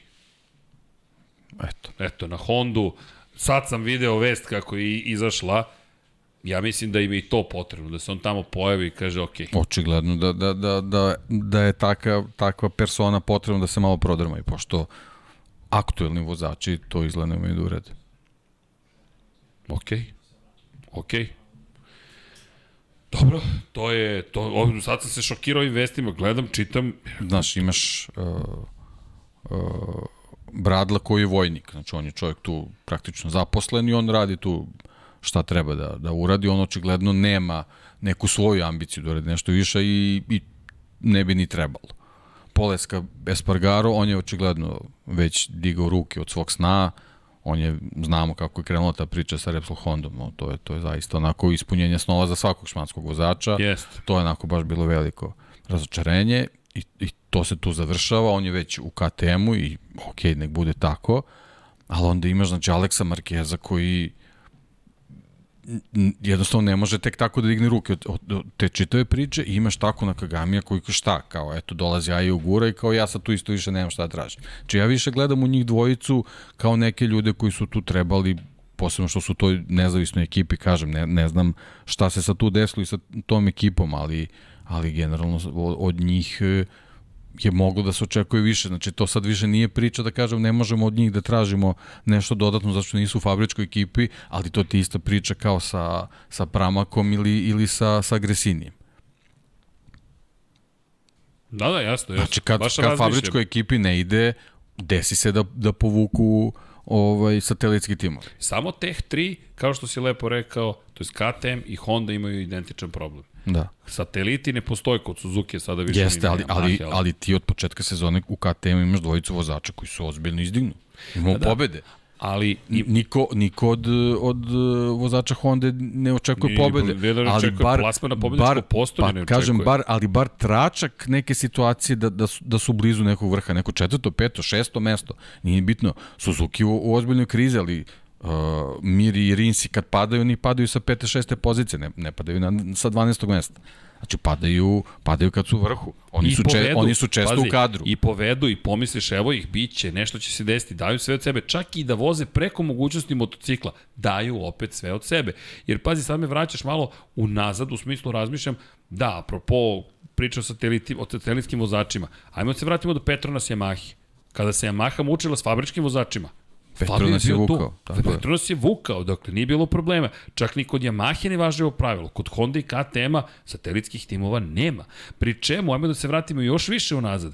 Mislim da, si, da, da zapravo ne 100%, nego Dejan posto u pravu.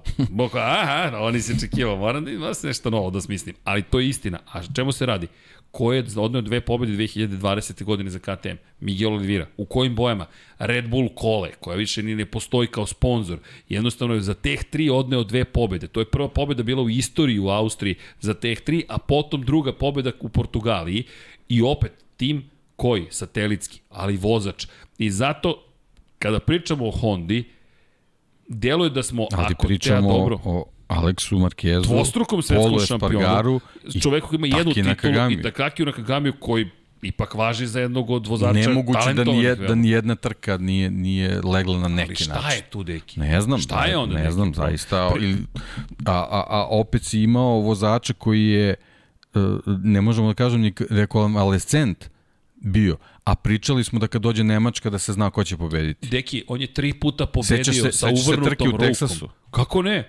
Pa, jel sa začelja došao do toga da se bori sa Fabio? On ih je sve, ove sve godine. njih je prošao na toj trci. Ove godine. Mi pričamo ove godine. Ali koji je zaključak? Znaš, ako zaključimo da je motocikl, a onda dođe Marquez i pokaže pa ne nužno, a onda zaključiš da su vozači pa dalje moguće, ali izgleda da smo došli u period Moto Grand Prix-a kada su razlike toliko male da ako za nijansu ti ne odgovara nešto na motociklu, da će to biti Ali nemoguće, problem. to hoću da kažem, nemoguće da im ni na jednoj stazi apsolutno ništa nije odgovaralo, a čoveku koji je vozio s jednom rukom je odgovaralo. Pri čemu, ovo je motocikl, ovo je velika kritika za svu trojicu, kada je reč o tome kakvi su razvojni vozači. Ovo je njihov motocikl, ovo nije Markezov motocikl. Markez nije bio tu da razvija ovaj motocikl, dobio ga je i opet ima više poena od bilo kog od njih. Sa rukom koja je bila uvrnuta za 30 stepeni. O tome tek da ne pričamo. Kakva, kakvu reputaciju očekuješ dalje ako se on vrati ove sezone i opet nešto uradi? Kakvu reputaciju ti vozači mogu da očekuju? Pa nikakvu. Ja mislim da je da su oni sebi potpisali zapravo presudu u kontekstu angažmana u Hondi. Alex Marquez, ako na, u, na Gresini GP22 ne uradi ništa, to je to. Ja, ali ja sam ubeđen da će on nešto da uradi. Ja ne znam zašto, o, kao što ti lepo kažeš. on ovo- dobija 22-ku Pa, ili ovogodišnju? Ja mislim da će on dobiti dva, pa to će biti 20, 22. A misliš Da, da, u ne. stvari da, izvini, da, 22 Ja mislim da će on dobiti ovogodišnja. 22. Da, da, da, da, da. Da, mislim da će obojice Da, biti ne, na 22. prebaciš Da, da, ne, ne, brojevima. Čekaj, Sve Dina. okej, sve Seti okej. se Doka Holly... A da, inače danas reda. Danas je... Dinamičko to, razmišljanje, okej, deki. dina- sve je Jesi se sećaš u trećem delu povratka u budućnost? Mnogo sam danas dinamički razmišljao, ne, ne mogu više. Dr. Emmett Brown, kada objašnjamo Martiju, kada prođemo ovim šinama, ali on kaže, "Jel tu je kanjon? Da, ali tu će biti šina u Ne, ne, budućnosti. sve je jasno. Zato on ima onako frizuru. Tako je. Si gledao Vanja te filma? I? Okej, a, okej, ja kad ga vežem ovde ko paklena pomoranđa, pa mu stavim šibice ovde na oči, pa ga teram da gleda sve filmove koje smo mi gledali. Si gledao paklenu pomoranđu? E, U, eto, on E, to već moraš da gledaš. Znači, nemoj, ne možeš, to su već, to su već ozbiljni klasici. Jao, Vanja, znaš šta bi se mogli da radimo? Znaš one reaction videos? Ja tebi puštam heavy metal, ti meni puštaš hip hop. Jao! Ali to je ono, Dokolica se zove, e, do, e, e, bukvalno podcast se zove Dokolica. Kako? Prvo igricama, okej. Okay. U, hoćeš igrice? Manic Miner, Jet Set Willy, Horacije Goes Skiing. Kla, kako? Sve, obor, može to posle.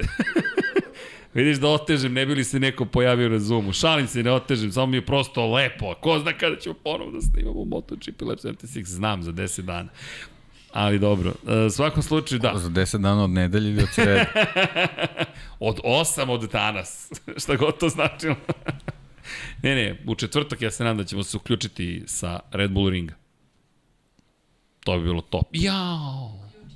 Jao, iz domaćinstva Red Bull, ne, iz domaćinstva Leopard Racinga.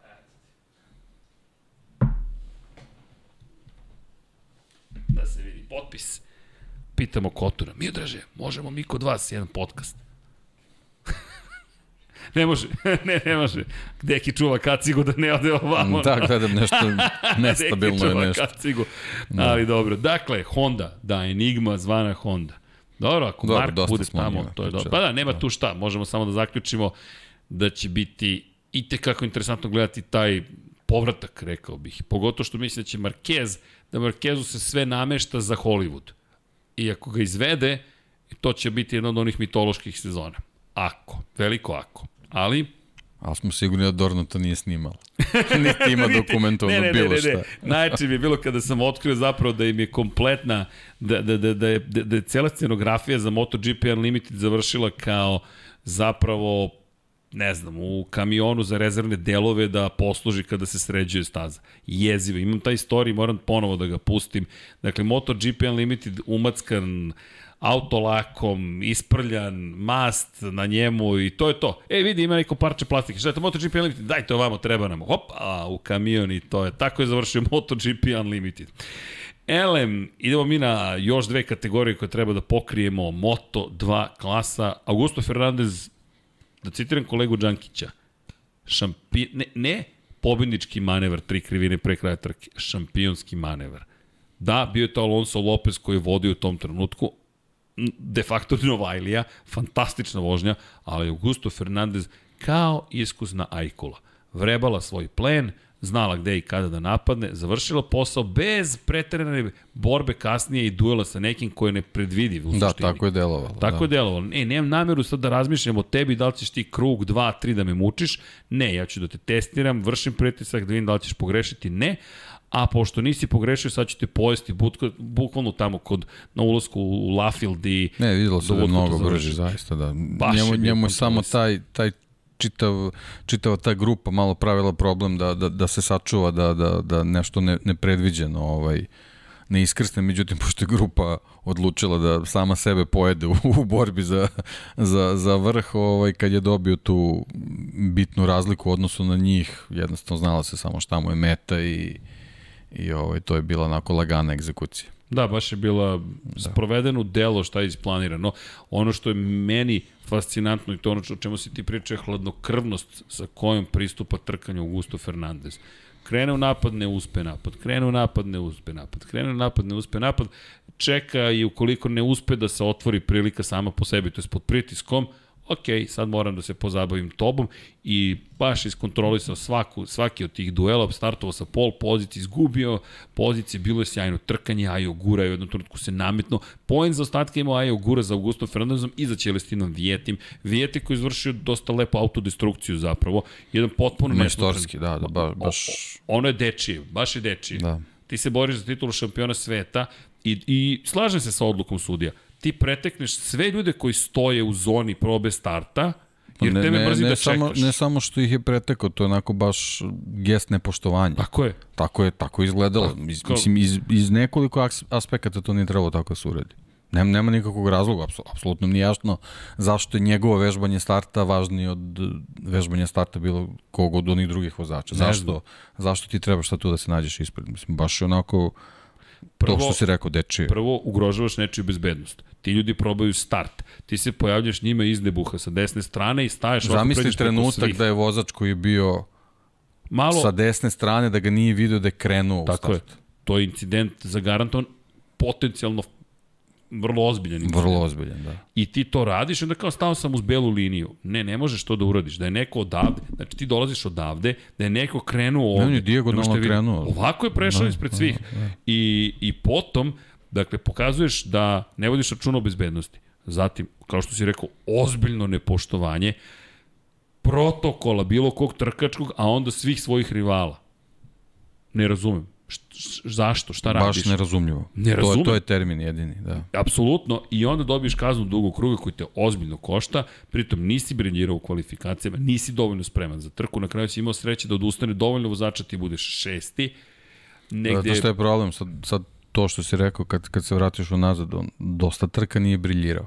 A Početak sezone je bio je. dobar, ali posle toga Portugal dolazak poklon. u Evropu, da, da. Da, Portugal je bio poklon, Da, čist da. poklon, on je tu 20 pojena dobio ni kriv ni dužan. Jer drugi nisu grešili. Da, on na toj Znači, trci već da, da se to nije desilo, da se nije desilo ono, ono čišćenje, ovaj, ta trka bi već bila loša. Deki. Ozbiljno loša. Fernandez, Ogura, Kane, Arbolino, to su sve ljudi koji su odustali usled padavina kiše. od vodećih vozača. Pored toga, odustao je Jake Dixon, Pedro Acosta i Psomke Chantra koji uopšte nije bio u lošoj formi. Dodaj na sve to Camerona Bobija koji u tom momentu bio zaista dobar i ti dobiješ to da bi Vijeti bio možda sedmi, osmi, deveti, ne znam nija koji bi bio, što je 10, 12, 13 pojena manje. I dolazimo u situaciju da Vijeti zapravo uopšte nije u tako dobrom položaju kao što se čini. To je kao što jeste bio na kraju. A ovde sada dolazimo do toga da Augusto Fernandez beleži treću pobedu za redom. Mi sada pričamo o šampionskim nizovima. Da I... ne, mi sada pričamo o njegovoj adaptaciji na ekipu. Da. Jer ovo što se pričao malo, malo pro načinu kako on kontroliše trku, to se već u Mark VDS-u videlo. Znači, bilo je dosta trka gde on nije imao, stvarno nije imao sreće. Tak, mislim, i ove sezone kad pogledaš, postoje njegovo odustajanja, redko kad, su, redko kad su proizvodi njegovih grešaka jednostavno situacije na stazi ili, ili tako te nekih Pazi. nesrećnih okolnosti. On stva, zaista čovjek jako redko greši. Dva puta je samo odustao. I jednom je Argentina, to je njegova greška. Da, ona, ona prva ona kad je otišao da, u prvoj krivini. I jest, Portugal kada se desio taj incident kada je kiša jest. počela da pada. Sve ostale trke je završio. Bio je četvrti na početku sezone, pa peti, pa taj pad u Argentini, pa deveti u Americi, pa u Portugali taj pad, pa onda kreće niz. Četvrti, prvi, peti, treći, prvi, prvi, prvi. Mi sada pričamo o četiri pobjede u poslednjih šest trka. To ne postižeš To je u stvari da, to je, to je pravo merilo. To je pravo merilo. I ono što je u, bitno... U poređenju na ostale rivale. I nastavio si niz uprkos pauzi od pet nedelja. To je isto i velika stvar kod Francesca Banjaje, što niz nastavio posle pet nedelja pauze. Mnogo važan trenutak i psihološki gledano važan trenutak. Ti si zapravo stič uradio. Ti si šav napravio u jednom rasponu od pet nedelja i nisi izgubio ni tu sezoni. Vrlo, vrlo, vrlo zrela trka, blago rečeno. A Jogura jeste zauzeo četvrto mesto, pa je sada drugi u šampionatu, ali za ostatak 13 poena, šesti je Vijeti bio, pa sada zostaje 15 poena, a Karon Kane peti i sada zostaje 44 boda. Realno, haha, tu smo u realnosti, dakle moramo da zapamtimo ovu, ovu realnu emisiju, Mi pričamo o tome da ideš na domaću de facto stazu, Red Bull KTM Ajo, Red Bull je austrijska ekipa, KTM je austrijski proizvođač, Kalex proizvodi motocikle za njih, ali je to domaća trka. I ideš na mesto na kojem je za očekivati da će opet biti veoma snažan. Celestino Vijeti, mislim da će tek, to je Lađanki lepo rekao, u Mizanu biti svoj, ali to je za još jednu trku kasnije i prilika je za Augusta Fernandeza da se nametne da ima pobedu prednosti pre nego što stignemo tamo, čak i pre toga do Azijsko-okeanijske turneje a tu već ulaziš u završnicu šampionata. Da, i dobro, to je, to je onako novi, novi teren za sve Jest. i u principu ove, ove ozbiljne ekipe, da ih tako nazovem, su tu u blagoj prednosti. Između oslog tu i KTM -a. Tako da. da mnogo stvari mu ide, ide na ruku. Da, imali smo zaista i tu lepo, lep napredak Niklasa Aja, koji postaje sve sigurniji u svojim cipelama, koji jeste uz oca tu podrška, ali on radi vrlo ozbiljno zapravo sa Jaume Masijom u Moto3 klasi i preuzima polako konce kada je reč o ekipi. I lepo je vidjeti da pravi nasledđe, ne, nasledđe bukvalno i, i, i operativno. Aki je vrlo ozbiljan tim. I to je ono što si ti rekao. Tim koji se bori za titule, koji doveo i Akostu, i Fernandez da se bore za titulu. Inače, kada spomenjemo Akostu, Pedro, posle onog preloma o kojem smo pričali, butne kosti, dobio dozvolu da vozi u Silverstonu, došao u Silverstone i onda su mu rekli, nemaš dozvolu da voziš. Čudno. Mm, da, čudno i generalno neozbiljno vezano za angažovanje nekoga. Mislim da, da, da, da je odma rečeno da ne može da vozi da bi to bilo prihvaćeno. Bilo bi skroz ok ovako da neko potegne bez potrebe taj put, a pri tom može vreme da koristi za oporavak, ne znam, baš onako neozbiljno, bla, najblaže rečeno.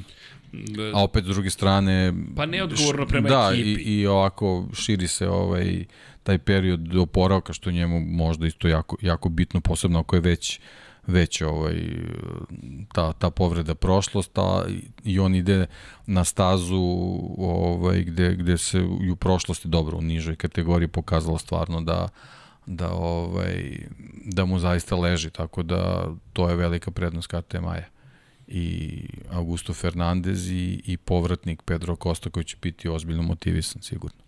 Da, deluje mi da će, ako ostao u poslednjih, ja, ja tipujem poslednjih šest trka biti vrlo zanimljiv za praćenje, zašto? Njemu je sad samo bitno da uđe u ritam Tako ponovo, je, ovo je sad baš tereni. velika pauza. Da, Ali mene da. to zanima kada ode na neki, pazi, idemo na mnogo dobre staze. Tajland je brza, opasna staza, bit će mi to zanimljivo. O, a Ostrov Filip, ne znam ni šta bih rekao, jedva čekam da ih vidim na Ostrovu Filip. Malezija, Sepang, evo baš smo diskutovali, Sepang je taj dugi krug, dva, dve minute traje i prava je trkačka Grand Prix staza.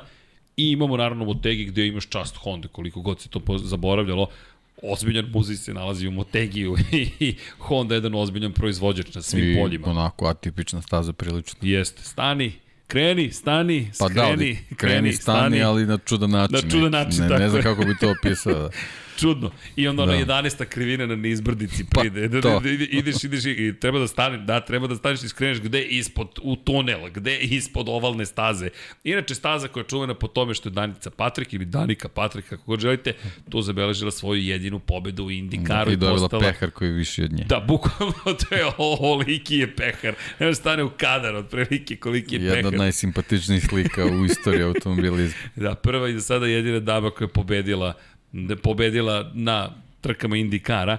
Inače, kada pričamo, ajde, kada pričamo o tome, prosto, tam to je Twin Ring Motegi, dvostruki prsten, baš zbog toga što imate dva prstena. Jedan je ovalni i jedan je ovaj klasični, ali, ali eto, meni makar simpatično uvijek kada se setim Motegi, nekako se setim te njene pobede i razmišljam, Ok, e, inače, znaš šta sam ustanovio?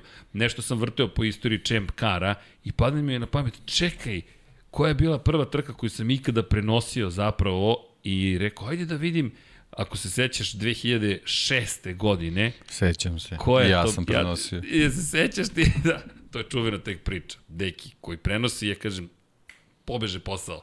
I Deki iz nekih svojih razloga morao da, da odustane od tog angažmana i kažu, nemamo pre, komentatora za, za, za, za trke. Bukvalno je bilo, mahao sam svima. Angažujte mene, angažujte mene, onda mi je Pixi otkrio 15 godina kasnije zašto su me angažovali. Ja sve ubeđen znanje.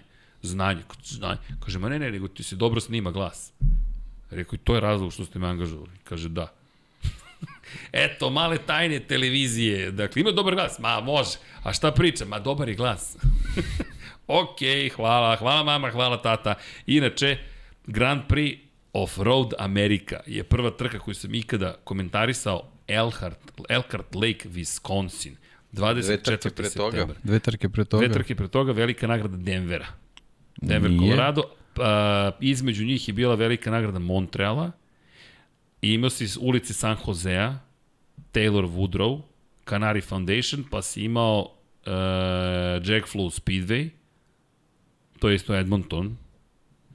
No, zaboravio se. Cleveland- Koja je Kanada bila? Kanada ti je bio Molson Grand Prix Toronto, West Edmonton Mall, uh, Mall Grand Prix prezented Toronto je bio, Toronto je. Toronto. Kiša, on, potop je bio, četiri sata kiše sam prenosio. A, ti si prvi bio taj, da. Ti si prvi zapravo. A, sam u stvari shvatio da neću više da prenosim.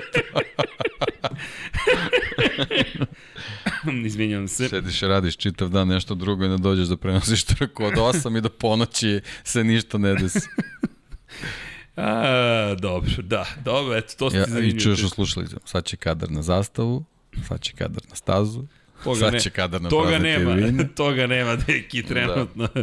Niko ništa ne priča, ali dobro, ne mora ni da priča. Ne, to je bilo super, moram priznat, stvarno, ovaj, režija Da, odlična bila, da, jeste, da. Jeste, režiju Super. imaš baš u sekundu, sve, kažu šta će se desiti. Da, da, da, zaista, baš je olakšavajući okolnost. Ne, nepozna, Da imaš tako nepozna, nešto za mene je to u sad takvoj situaciji, da. veruj mi, veruj mi, nepoznanica potpuna, ali dobro. Zato imate integralne prenose. Sve što nam daju, mi ćemo vam preneti i prokomentarisati. I tako je. Prosto onda vam neko kaže, je to to, to je to. Pa šta ćemo sad? Pa ništa pričaj. Šta, ne znam, ti se snađi. Okej, snaći ćemo se. Dobro. E, da su znali. Ali eto, bilo mi simpatično, pogledao sam tu sezonu. No, da se mi vratimo u sadašnjost, ne tako malo smo skakali levo-desno. Ili u sredu, ili u nedelju. Da, kako god želiš da se vratimo do Augusta Fernandeza, koji je eto zabeležio važnu pobedu. Na drugoj poziciji jedna lepa priča, Alonso Lopez. Mm, Da, Romano Fenati dobio otkaz neslavno, ne sviđa mi se što nije ispoštovan dogovor, dogovor je osnova ljudske civilizacije de facto, ljudi to zaboravljaju, postalo je jeftino prekršiti dogovor, to nije dobro, morate da, trebalo bi da poštujete svoje dogovore I iz te perspektive, kada pričamo o dogovoru koji je imao speed up sa Romanom Fenatijem, nije ispoštovan. Ali Alonso Lopez dobio svoju priliku i Lopez, to mi je prelepa sada priča. Pre dva meseca, kako je on to setno izgovorio, pre dva meseca niko me nije zvao. Nije, nije, nije zvonio telefon, niko nije htio da me angažuje. Hvala Luki Boskoskuru što mi je dao priliku i evo ga na pobedničkom poslu. Kako se osjećaš? Kako se osjećam? Ljudi, bio sam kod kuće i eventualno sam mogao da se nadam da ću voziti šampionate Evrope ponovo a evo me sada na pobedničkom postolju u Silverstonu posle Grand Prix trke srednje klase svetskog šampionata, pošto me pobedio čovek koji inače sve pobeđuje i to u poslednje tri krivine. Meni je bilo divno ta, ta, ta, ta, ta scena, ta cijela emocija koja, koja se vidi kod Alonso Lopeza, pri čemu sedi preko puta Fermina Aldegera, koji ja mislim da doživljava jedno od onih ne tako redkih, nažalost, sudbina u sportu, u životu, u moto, a, pogotovo motociklizmu, gde dođeš, otkrovenje si, ti si taj koji će biti fenomenal, prodigy, ti si novi, šta god, jednom Celestino Vijeti te uništi psihološki, a onda se pojavi neki klinac preko puta garaže koji je sad bolji od tebe u svakom pogledu. Baš i to teška priča. Još je odneo pehar kući. Još je odneo pehar kući. Pre Fermina Aldegera, pri čemu da se vratim na lepu priču, Alonso Lopez je baš dobro vozi, imao je sreće što je pozadi tamo bila bitka zaista prava, ali on iskoristio pa, da ekipa priliku. malo sarađivala, bilo Mislim bi drugačije, da bi ali... Iskreno. Ekipa ne sarađuje, ne, to smo već videli ranije, to, to tako da... To je već standardna praksa. To je to, da. A i Ogura da. protiv Aronaka. Nema, nema, mislim, nema toga, šalim se, nema u Moto dvojkama, nema toga. Ma ne možeš. Nemo, ne, ne, nemoguće. Aktuel, Fernandez... Aktualno mesto je najvažnije, ovo sve ispred, doći će kasnije da ako doći. Citiramo da. pobednika da. Moto3 trke Denica Fođu. Taktika, koja ti taktika? Nema je taktiku. ne, ne, nema je taktiku. I tačno je bila njegova trka o, za da, ne taktiku. Da, da, da. Dakle, nema taktike. Šta imamo? 15 vozača. Pa eto, Guevara ima taktiku, vidiš kako je dečko završio. Nema, nema, ne, ne može. Ne može, ne može, ne može. Ne, može ne možeš ti sa 10 vozača u koloni da, imaš taktiku. Da vidi, verujem da smo i ti ja znali, samo je pitanje ko, gde i kada, u kojoj krivini će početi sve to da se dešava. Ono što je neverovatno, jeste da malo skačemo na Moto trojke, ali ne zamerite, u Moto dvojkama su stvari bile zaista jasne. Da ih konstatujem, Augusto Fernandez izdominirao na kraju, Alonso Lopez drugi, treći je prošao kroz cilj, drugi put za redom Jake Dixon, bravo za Britanca. Da, motiv, motiv. Baš to smo rekli pre, ovaj, Da, da. Pre trke da, da jednostavno Britanci u Silverstonu nema šta. Sigurno pružuju nešto više nego što mogu u tom trenutku. Tako je. Ajo Gura blago razočaranje iako je bio četvrti. Ja sam tipovao na njega iskreno. Zaista mi je, ne, nešto mi je govorilo da stvarno možda bude dobar na ovoj trci, ali ono, ono izbacivanje iz sedla ga potpuno ga je poremetilo. Lakat, da. koleno, a neverovatno da, ali, ali u istom to trenutku. Baš treba da bude motiv da, da od tog trenutka čak i... E, Mislim da tu vidimo onda, razliku onda između... Kov, da, onda Kov nije, nije dobar. Nisu veli, da. velikani su velikani. I da. to je čuveno. To je imao Mihael Schumacher, to ima Mark Marquez, to imaju pa i Valentino Rossi. Naprave jednu grešku tokom trke, ali posle te greške, O, oh, probudili ste zver, bukvalno kreće haos na stazi, jer on se sad bori protiv sebe, ne samo protiv ostalih. A ne, neće se ovako završiti. Vi tačno znate, tu pogledajte Schumacherove trke, u Benettonu isto, napravi jednu grešku, ti misliš, aha, evo je greška. Ne, ne, ne, ne, sad kreće spektakl. Marquez, evo ga lakat, evo ga koleno, glava, ne znam nija šta, sad kreće haos. Rossi, napravio grešku, preduboko kočenje, sad kreće spektakl. Bukvalno možete šampione da prepoznate po tome. Ovoga puta Aju gura, lakat koleno, izvukao se, lepo rekao Džanki Markezov potez, ali nastavak nije bio Markezovski. Četvrto mesto i dalje u igri verujemo da će dobiti mesto u Hondi. Zašto? Prihvatio Takaki Nakagami ugovor da bude probni vozač naredne sezone za Hondu, što negde otvara vrata Ajo Guri, a Takakija zadržava ipak u orbiti koja se zove Honda. Nažalost, imali su potrebe da te vozače koriste da menjaju fabričke vozače. Nadam se da više neće biti povreda, ali Takaki Nakagami ostaje u u prosto ostaje u garažama. I iz druge perspektive takođe Aron Kane, peto mesto, posle odustajanja u Holandiji, nije to čak ni toliko loše, bio je borben, da li sam očekivao da, više... Da, par puta ispadao iz ritma ne, i onda, ne.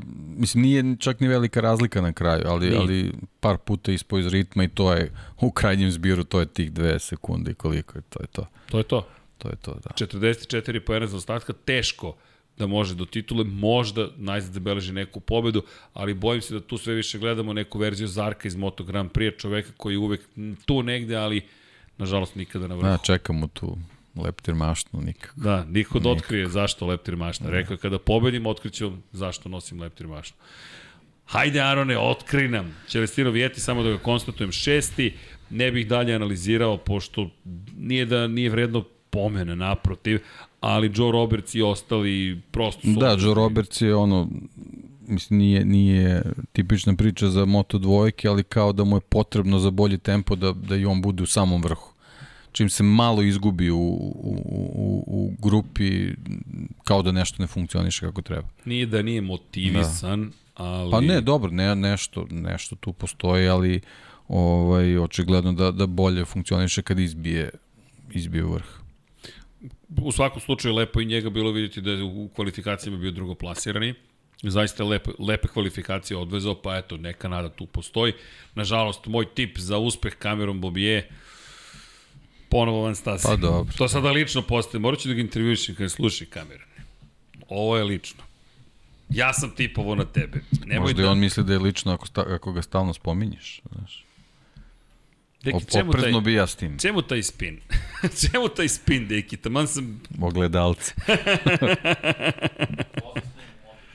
Kako? Da vozim sa njim u MotoGP-u. Pa ne mogu da vozim sa John Robertsom, to bi znači da moram da vozim Moto dvojke. Ne sa kamerom Bobijam.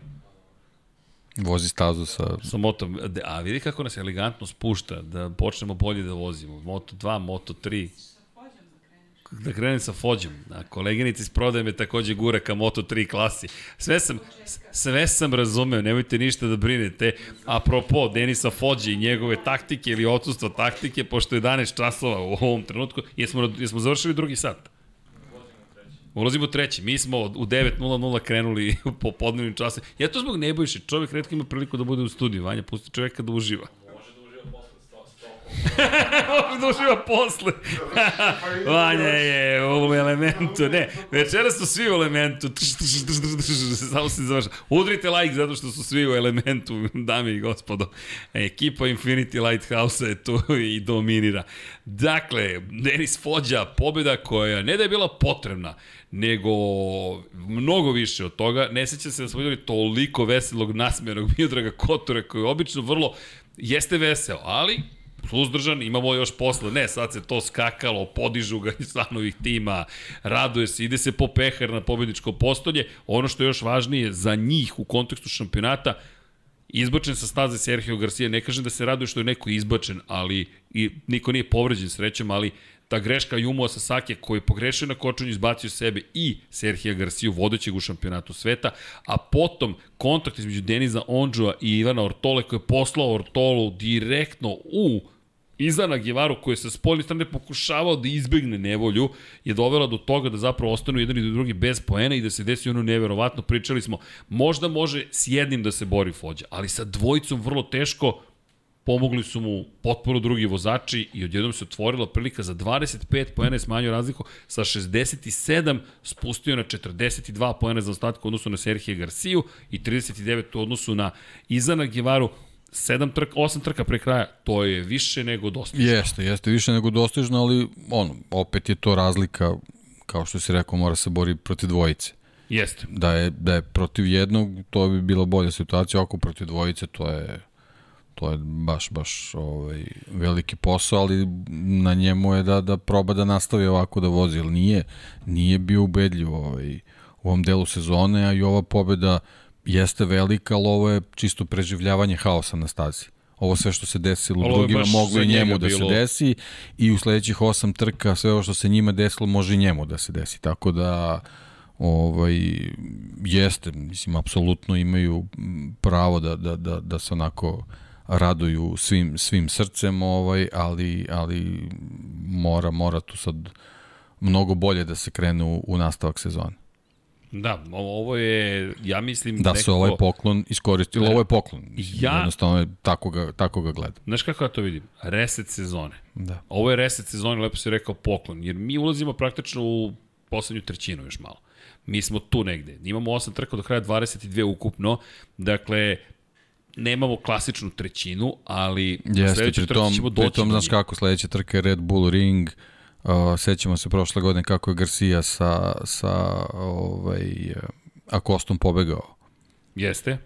I to je ozbiljan beg bio. Ozbiljan je beg bio, tako da... On je pao i opet završio Jeste. drugi. Na kraju trke Tako je. podigao motocikl, nikog nije Tako bilo je, u blizini. znači Fođao baš, baš mora da, da radi da i on ponovi svoju dobru trku. Gde je Tako da- ležao problem? Oprosti za Denisa Fođu, padala je kiša.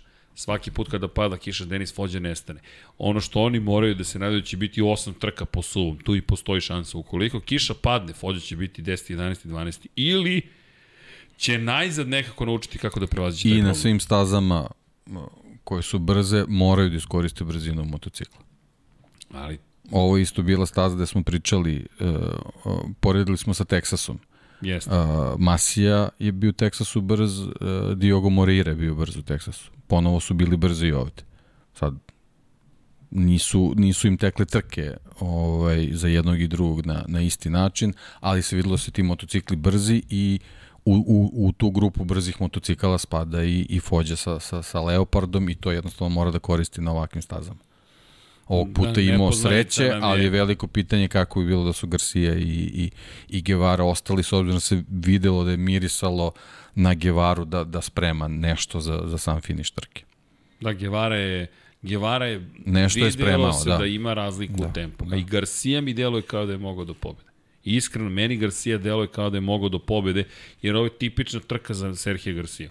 Nema ga u petak, ali nema ga u subotu. opet završnice, što njegove greške, što ni kriv ni dužan, ali, ali neverovatan kak, kak, kakve usude ima u, u finišima trke. Ali čisto za, za Da. podsjetnik za kraj prethodne sezone. Austrija dolazila pre Velike Britanije. Inače, Velika Britanija će naredne godine biti pomerena još više u napred, to je još više. Ostaje tu na, u ovom vikendu, 4. 5. 6. avgust će biti datumi za veliku nagradu Velike Britanije, samo i to da napomenemo, ali će se preći na kompleks koji koristi Formula 1. Dakle, krilo Silverstona će biti taj takozvani međunarodni pravac koji se sada zove Hamiltonov pravac. I zanimljiva su mi imena. Hamilton po Lewisu Hamiltonu, sedmostrakom svetskom šampionu Formule 1, najuspešnijem vozaču Formule i Wellington pravac po Wellington bombarderima. To bi bilo fascinantno, jer Silverstone zaista ima bogatu istoriju. Onda gledaš, pa čekaj, po čemu je sada nazvan ovo? Aha, po Wellingtonu. A to je inače prvi vojvoda od Wellingtona, Artur Wellesley, Wellesley, baš sam da se raspitao, rekao, dobro, po čemu? A to govorimo sada već o, o, o, o, o borbama protiv Napoleona. Pričamo o Waterloo, koliko su Britanci istorije sabili u sve to, tako što su svoje bombardere nazvali po Wellingtonu, a onda Wellington bombarderi koji su poletali u drugom svetskom ratu odatle, pa Wellington pravac.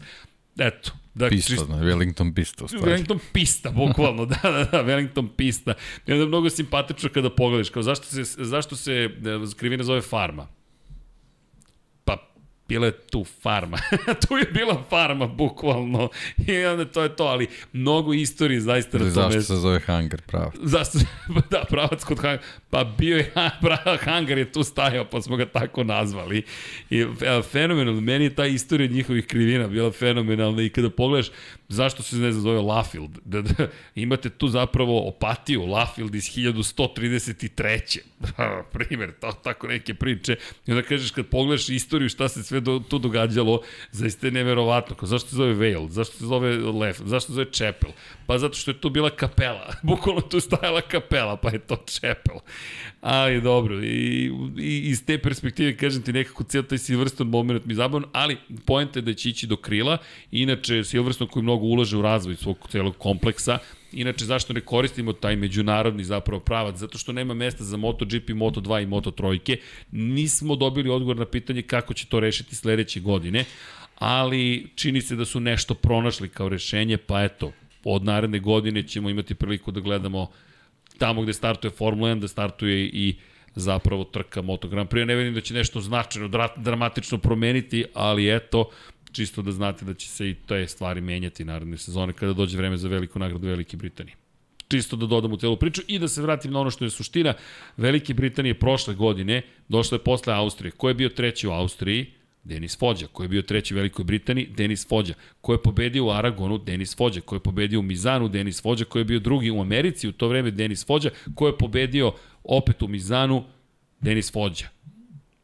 Ovo je ta šansa. Da, treba mu da preslika to.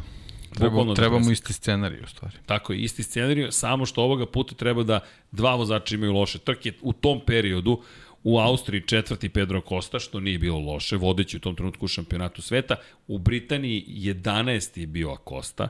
U Aragonu nije stigao do cilja, njegov prvi pad, Prvi pad, da. sezone, tako je. Pa je bio sedmi u Mizanu, pa osmi je bio u Americi, pa je bio treći na velikoj nagradi Emilije Romanje u Mizanu, a onda je došao Algarve i čuveni moment Derin Binder koji izbacuje Denisa Fođa, pobeđuje Pedro Acosta. Tako da postoji šansa, međutim opet pet velikih trka mora da odveze Denis Fođa. I kolo sreće malo da se okrene. E, Možda, možda je ovo naznaka toga. M moguće. I naravno Đaume Masija na poziciji broj 2. Đaume, ne znam više ni šta da, kako da ga najavim, ali eto, ponovo je tu. Povratak, da. 55 I pojena iza njegov Garcia. povratak, da. Povratili su se Fođe i, i, i Masija, ovo je, ovo je njihov povratak u stvari. Da. Ovo je bila obrnuta, obrnuta pozicija iz Amerike. Tada je pobedio Masija, drugi je bio Fođa. Nedostajali su svakako da se bore, ali evo najzad su tu i Masija odvezao dobru trku. Hrabru trku, ovde je baš bilo potrebno biti hrabar, srećen svakako je vešt, a pohvalio bih ih, zaista jer se videlo da jedan i drugi mogu, pogotovo bih pohvalio Masiju, bez obzira na Fođu, nekako posle onog incidenta u Mizanu kada je prešao, pregazio Jumo Sasaki se nije oporavljao i lepo ga je bilo videti, videti ponovo da, da dobro vozi. Na trećem mestu inače Denis Ondžu, Denis, mislim da ovoga puta nije kriv. Pa nije, on Treba- je svoje laktove stavio gde treba da ih stavi i to je to. I vozio je. Da, da. I, i, ali niko nije štedeo nikoga i to je ono što je Nije, bilo... pa ne, ovo je bila klasična Moto3 trka. I to su Nema pričali šta, u, da, u, u cool down roomu takozvanom, dakle u momentu kada se hladite, baš su pričali, Masija, ne znam koga sam više udario, jednog, drugog, trećeg, a vidite koji su to klinci i dalje u razmišljanju, bum, bum, bum, ja isto, bum, bum, bum, a onda gledaju gde je kamera, imaju široko ugovni objektiv, ali to ne znaju, pa se zbijaju jedan pored drugog, nešto sam skinuo sa stolice, ne znam šta, ali palo je.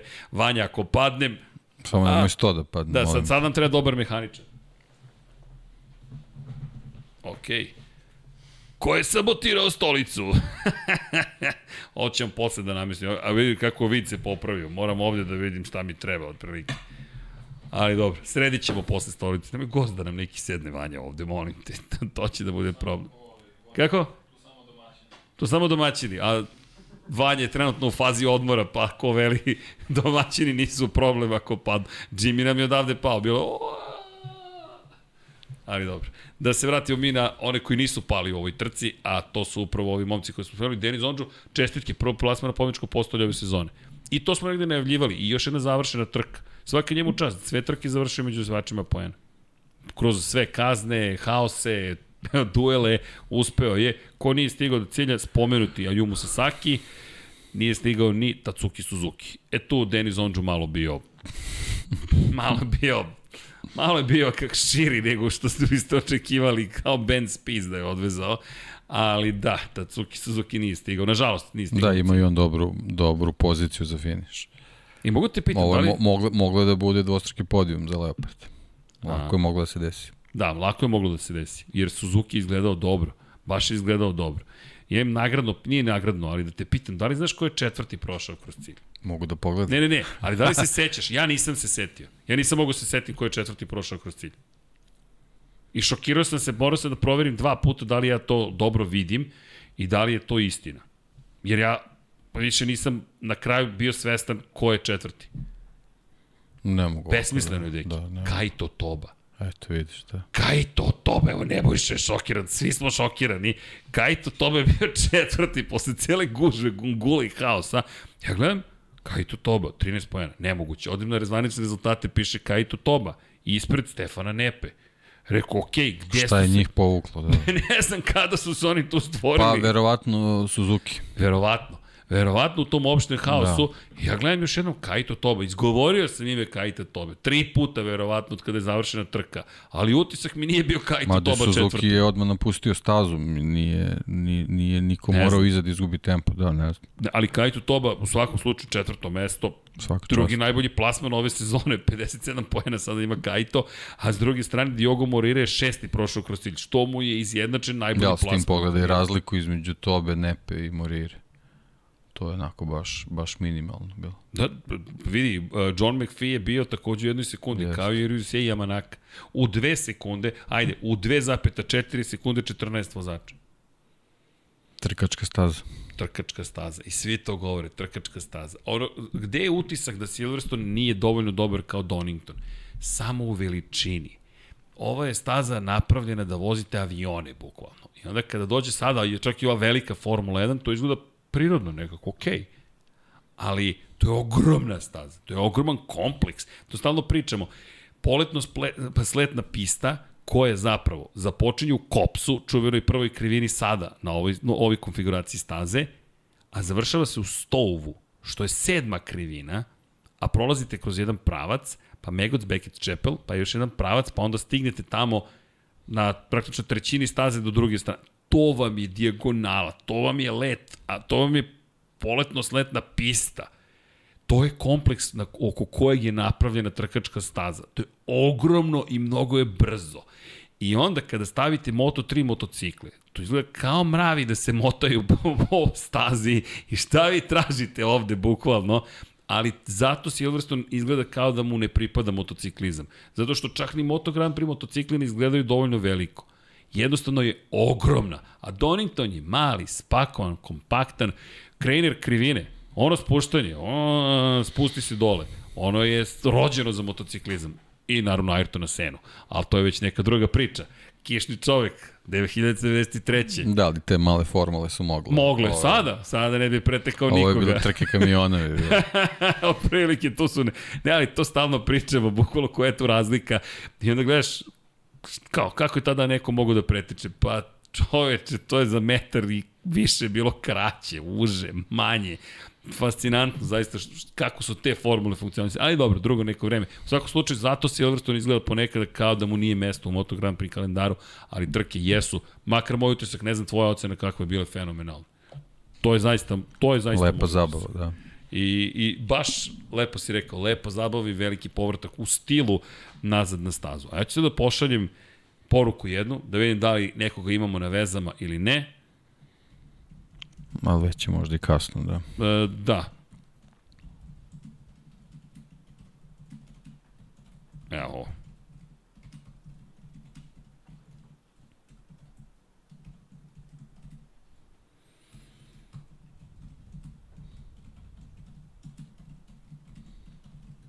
Brže kuca nego što priča. Jeste primetili to? pa dobro.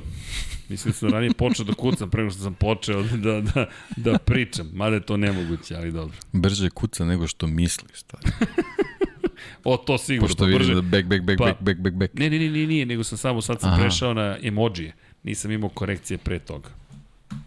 Eto. Enter. Enter. Tako je, poslah ja poruku, pa ćemo da vidimo. Kucam od 1981. Since. Da. Evo gleda me kolegici iz prodaje ne veruje. Da, od 1981. Imam ZX Spectrum, to je ZX 81. Da čekam odgovor da, da pročitam Patreone. I, i fantasy. O, fantasy. Čekaj, deki, jesmo se proslavili ovoga vikenda? Ne. Ne. Ne. Čekaj, ko mi je bio? Slušaj mi tim, slušaj mi tim. Enea Bastianini, not too bad. Marko Beceki, Ducati, Alex Rins i Fabio Quartararo. Korektno. Da vidimo u ligi koji Koga sam... ja imam? Su mi ostali Rins i Miller. Jesu. Jesu. Oj, 391. Nešto. sam. Čekaj da vidimo gde je Dejan. Dejan Potkonjak. A, ne, ti si Žakare, pa Guas. Nemam pojma šta sam. Ma, jesi. Ajde, 707. si, deki. Ja sam 391. Imaš Jacka Millera, Aleksa Rinsa, Ducati, Maverika, Vinja... Maverika Vinjalesa i Andreo Dovice. Izdao si, izdao si. Šta sam izdao? Eto, sad kada optužite da Deki ne voli Maverika, nije tačno, nego ga samo nervira kada neko iskoristi svoj potencijal. Tako je. Tako je, a piše Rider on Fire. Tako da znate za Maverick Vinjalca. Čekajte da vidimo koleginicu iz prodaje. Sirm, u približila mi se 414. pozicija. Nećemo tako da to nije, to nije bio dogovor. Fabio Quartararo, e, ok, Enea, Ducati, Marko Beceki, ali je Marko srebrni vozač i Fabio Diđan Antonio. Pa dobro. I da vidimo ko nam je vodeći. Ali ja moram da menjam Dovija ili, ili će se to automatski Ja mislim da će automatski dati Kala Kračla. Obično to uradi kada se neko povredi i nekoga menja. Da. Nemam para. Nemam para. U kanalu sam potpuno. E, sad ti je po Kvartararo ponovo izgubio na ceni, tako da, Da. možda je moguće. Inače, vodi Bestianini 23, 1275,5 poena, Moto Voždovac 1264,5, ali ima sačuvan 300V boost još jedan, Wonder Girl, bravo za devojčicu ili devojku, 1243, treće mesto, Karl Marx je na, sa 1241,5 poena četvrti, ima sačuvan boost 1, MGP 1, 1232,5 poena, sačuvan jedan boost, El Diablo 20 Fabio Quartararo, dva boosta sačuvana 1232,5. Opa, Koliko Seb, ja imam boostova?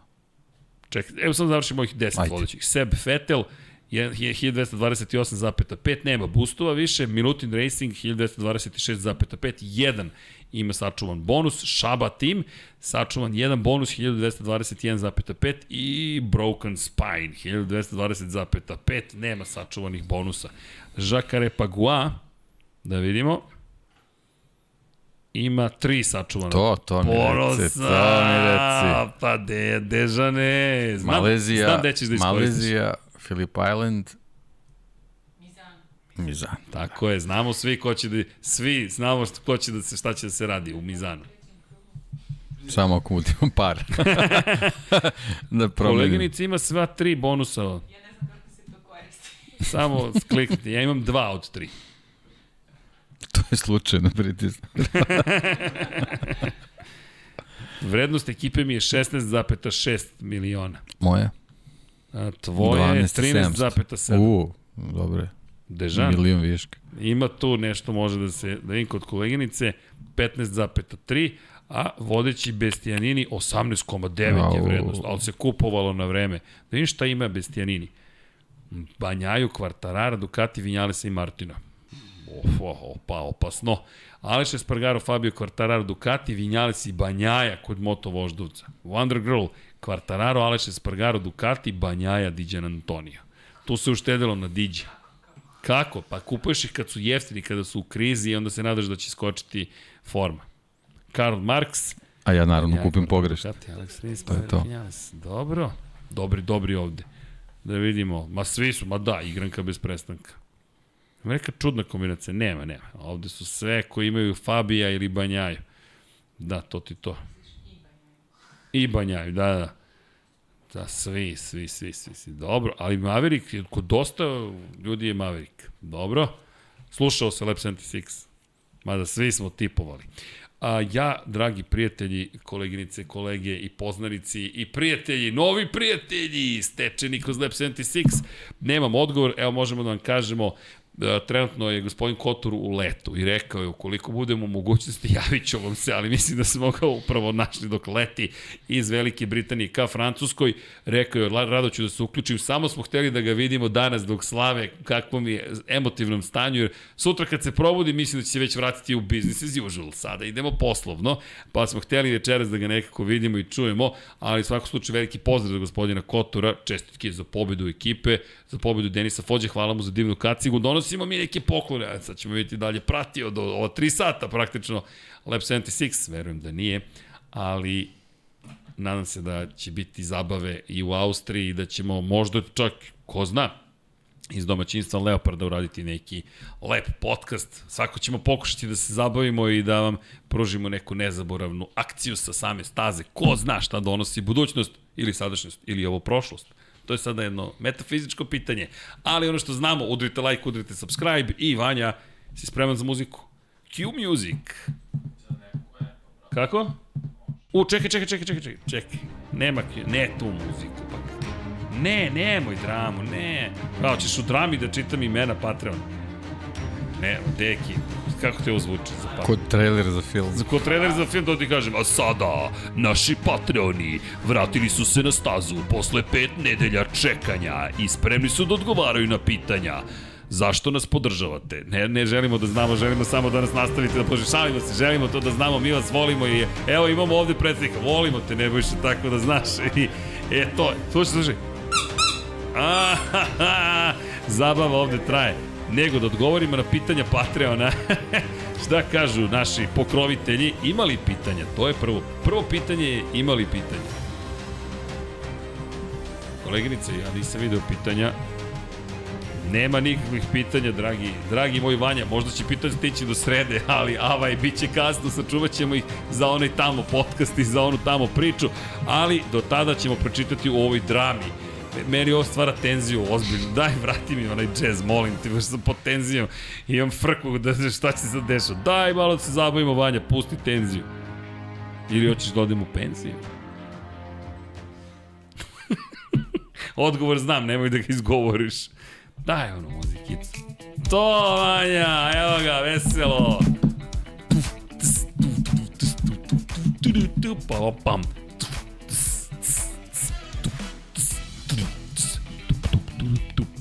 Deki ne veruje, ali je tu i nasmejanje.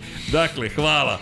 Kome? Ovo su imena tih divnih ljudi koji nas podržavaju, uključujući i ovde prisutnog gospodina Nebojšu. Dakle, Saša Ranisavljević, Nikola Milosavljević, Marko Kozić, Šmele, Marko Petrekanović, Milan Apro, Branimir Rijevec, Nemanja Jasmina Pešić, Matija Rajić, Zoran Cimeša, Danijela Ilić, Đole, žena mi zna, Andreja Miladinović, hvala gospođo, Borislav Jovanović, Miloš Radosavljević, LFC, Crnogorski džedaj, Grgo Živaljić, Vlada Ivanović, Jugoslav Krasnić, Nenad Pantelić, Andreja Branković, Nebojša Živanović, zatim Ivan Rečević, Andrej Bicok, Vojselin Vukićević, Dimitrije Mešić, Ivan Ciger, Safet Isljami, Ivan Panajotović, Boris Erceg, Džigi Bao, Branislav Kovačić, depresi, de, depresivni obožavatelj Kodija Garbranta, Aleksandar Jurić, Vladimir Filipović, Vladimir Petković, Đorđe Đukić, Pavle Nj, Miloš Todorov, Emir Mešić, Andrej Todorović, Ertan Prelić, Alen Bahter Abdulmarov, Darko Trajković, Predrag Pižurica, Dejan Đokić, Ferenc Laslofi, Branko Bisački, Zatim, Žarko Milić, Aleksandar M, Igor Gašparević, Vukašin Jekić, Branislav Marković, Igor Vučković, Aca Vizla, Dejan Vujović, Nemanja Zagorac, Aleksandar Antonović, Novak Đokić, Boris Kujundžić, Tijana Vidanović, Aleksa Jelić, Da žena ne sazna, Dušan Petrović, Lazar Pević, Stefan Deljković, Nemanja Jeremić, Zoran Majdov, Mihovil Stamičar, Nikola Stojanović, Jesenko Samarđić, Bojan Majstorović, Antonio Novak, Stefan Milošević, Miroslav Cvetić, Đole Bronkos, Ognjen Marinković, Vukašin Vučenović, Nemanja Miloradović, Marina Mihajlović, Dušan Ristić, Miloš Vuletić, Luka Manitašević, Zorana Vidić, Marko Hork, Boris Golubar, Mirena Živković, Josip Kovačić, Andrej Božo, Boris Gvozden, Nenad Smilić, Petar Relić, Bojan Mijatović, Milan Nešković, Borko Božunović, Marko Ćučić, Mlađan Antić, Kristijan Šestak. Inače, ukoliko ste ovde, udrite like, udrite subscribe, podelite video sa drugima ili audio. Inače, prešli smo, to smo rekli, 100.000 downloadi, dalje sam odušljen. Stefan Vidić, Ivan Žorž, Luka Saović, Jelena Mak, Goša 46, Kovačević, Omer, Monika Erceg, Vučinić Miroslav, Nenad Đorđević, Nikola Božinović, Filip, Mihajlo Krgović, Đorđe Radović, Predrag Simić, Ivan Simeunović, anonimni donator, Zoran Šalamun, posle njega Miloš Banduka, Mario Vidović, Zoltan Mezeji, Stefan Lešnik, Ivan Maksimović, Toni Ruščić, Milan Đurđević, Marko Bogovac, Nikola Grujičić, Marko Mostarac, Mladen Krstić, Marko Čuk, Čuković, Stefan Dulić, Ivan Toškov, Sava Dugi, Jelena Jeremić, Ozren Prpić. Samo sekund da vidim još jednu stvar. Ovde neki filter bio upaljen. Nemam pojma da nekog nismo filtrirali kroz sve ove... Nedim Drlj, Drljević. Njega nismo spomenuli, je li tako? Nisam, nisam spomenuo. Bio je filtriran čovek. Nedime, izvinjavamo se što vas nismo spomenuli, ali Nedime, veliki pozdrav, imate neko upalio slučajno, vjerojatno ja, nema ko drugi. Dakle, filter neki, izvinjavam se Nedime još jednom, pa eto, spominjamo više puta. U svakom slučaju, hvala još jednom do neba i zaista smo zahvalni za sve što činite za nas i kao što smo rekli, uz vašu podršku zaista nam i tekako znači. Dakle, inače poseban pozdrav gospodinu Nebojš. Nebojša Živanović sa Nava. Jel treba još jednom, a? a? Jel neprijatno? Tako i Deki je neprijatno. Sad znate kako je gospodinu Dejanu Potkonjaku. Dobrodošli u moj svet. svet blagi neprijatnosti, barem jednom nedeljnom ponekad i dva puta. Ah, kada su specijali u pitanju kosmos, čak i tri puta. Ali, Zato ćemo da se zahvaljujemo vama. Mortal Kombat, hvala ti. Nikor 24, Vladan Đurić, korespondent, korespondent, Kosta Berić, Žar, Žarko Jovanović, Marakos, Igor Ilić, Zlatko Marić, Milan Knežević, Aleks Vulović, Vuk, Milan Kokorus, Nemanja Cimbaljić, Bojan Pejković, Koja, 7, Almir Vuk, Resničanin, Petar Bjelić, Kro Robi, Pavle Lukić, Nikola Božović, Milorad Reljić, Andreja David, Nenad Lukić, Saša Stevanović, Toni Soni, 76, Nikola Niksi, Branko Rašević, Nemanja Bračkov, Nikola Grđan, Miloš Nanimirović, Vukašin Felba, Voča Per, Pero, Marko Stojilković, Bakadu, Bojan Gitarić, Ivan Magdalanić, Ivan Vujasinović, Tatjana Lemajić, Veselin Vukićević, Branislav Dević, Vukašin Vučenović, Almedin Ahmetović, Nemanja Labović, Aleksandar Kockar, Miloš Zed, LFC, Nikola Kojić, Nemanja Miloradović, Zvonimir Papić, Marina, Vlada Ivanović, Oliver Nikolić, Andrija Todorović, Jelena Jeremić, Aleksandar Nikolić, Lukas Koh, Nemanja, Bojan Markov i Danilo Petrović. Hvala vam, dragi ljudi, za svu podršku koju nam pružate. Deki, da te pitam, počela je premier liga. Šta ste uradili? Da pitam. Ne. Šta se desilo? Loše sam pitao, a nasmejan si. Damn! Samo ti kažem, to je zato što ćete vi kao i svi veliki šampioni, jedna greška i to je to. Posle toga samo udarac za titulu. Izgubio je osmeh, nisam znao. Baš sam se ponadao da svojim osmehom dolazi pobjeda Liverpoola, ja ne navijam za Liverpoola i gospodin navija samim tim svako za koga moji prijatelji navijaju, ja navijam za njih. I nadam se da ste se zabavili uz najnovije izdanje Lab 76. Nisam ni rekao ko je, ko je Vanja ovo izdanje, ko to zna. Možda sutra, Deki šta radiš da Ovo je popričamo? realno izdanje. Da realno, Realno ovo je realno izdanje. Da popričamo o Formuli 1. Otpustiše Daniela Ricarda kako se čini sada, ali Mark Weber ga otpusti. Mark Weber ga otpustio prijatelji, prijatelji iz Australije, ali posao je posao što kažu. U svakom Pa slučaju... dobro, on ga i doveo u Formulu 1. Pa da. Tako da, možda ko zna koji će biti izdanje. Možda je dve- 223, možda je 224. Ko realno to može da zna? U svakom slučaju, ono što znamo jeste da je vreme da vam kažemo Ćao, Ćao svima.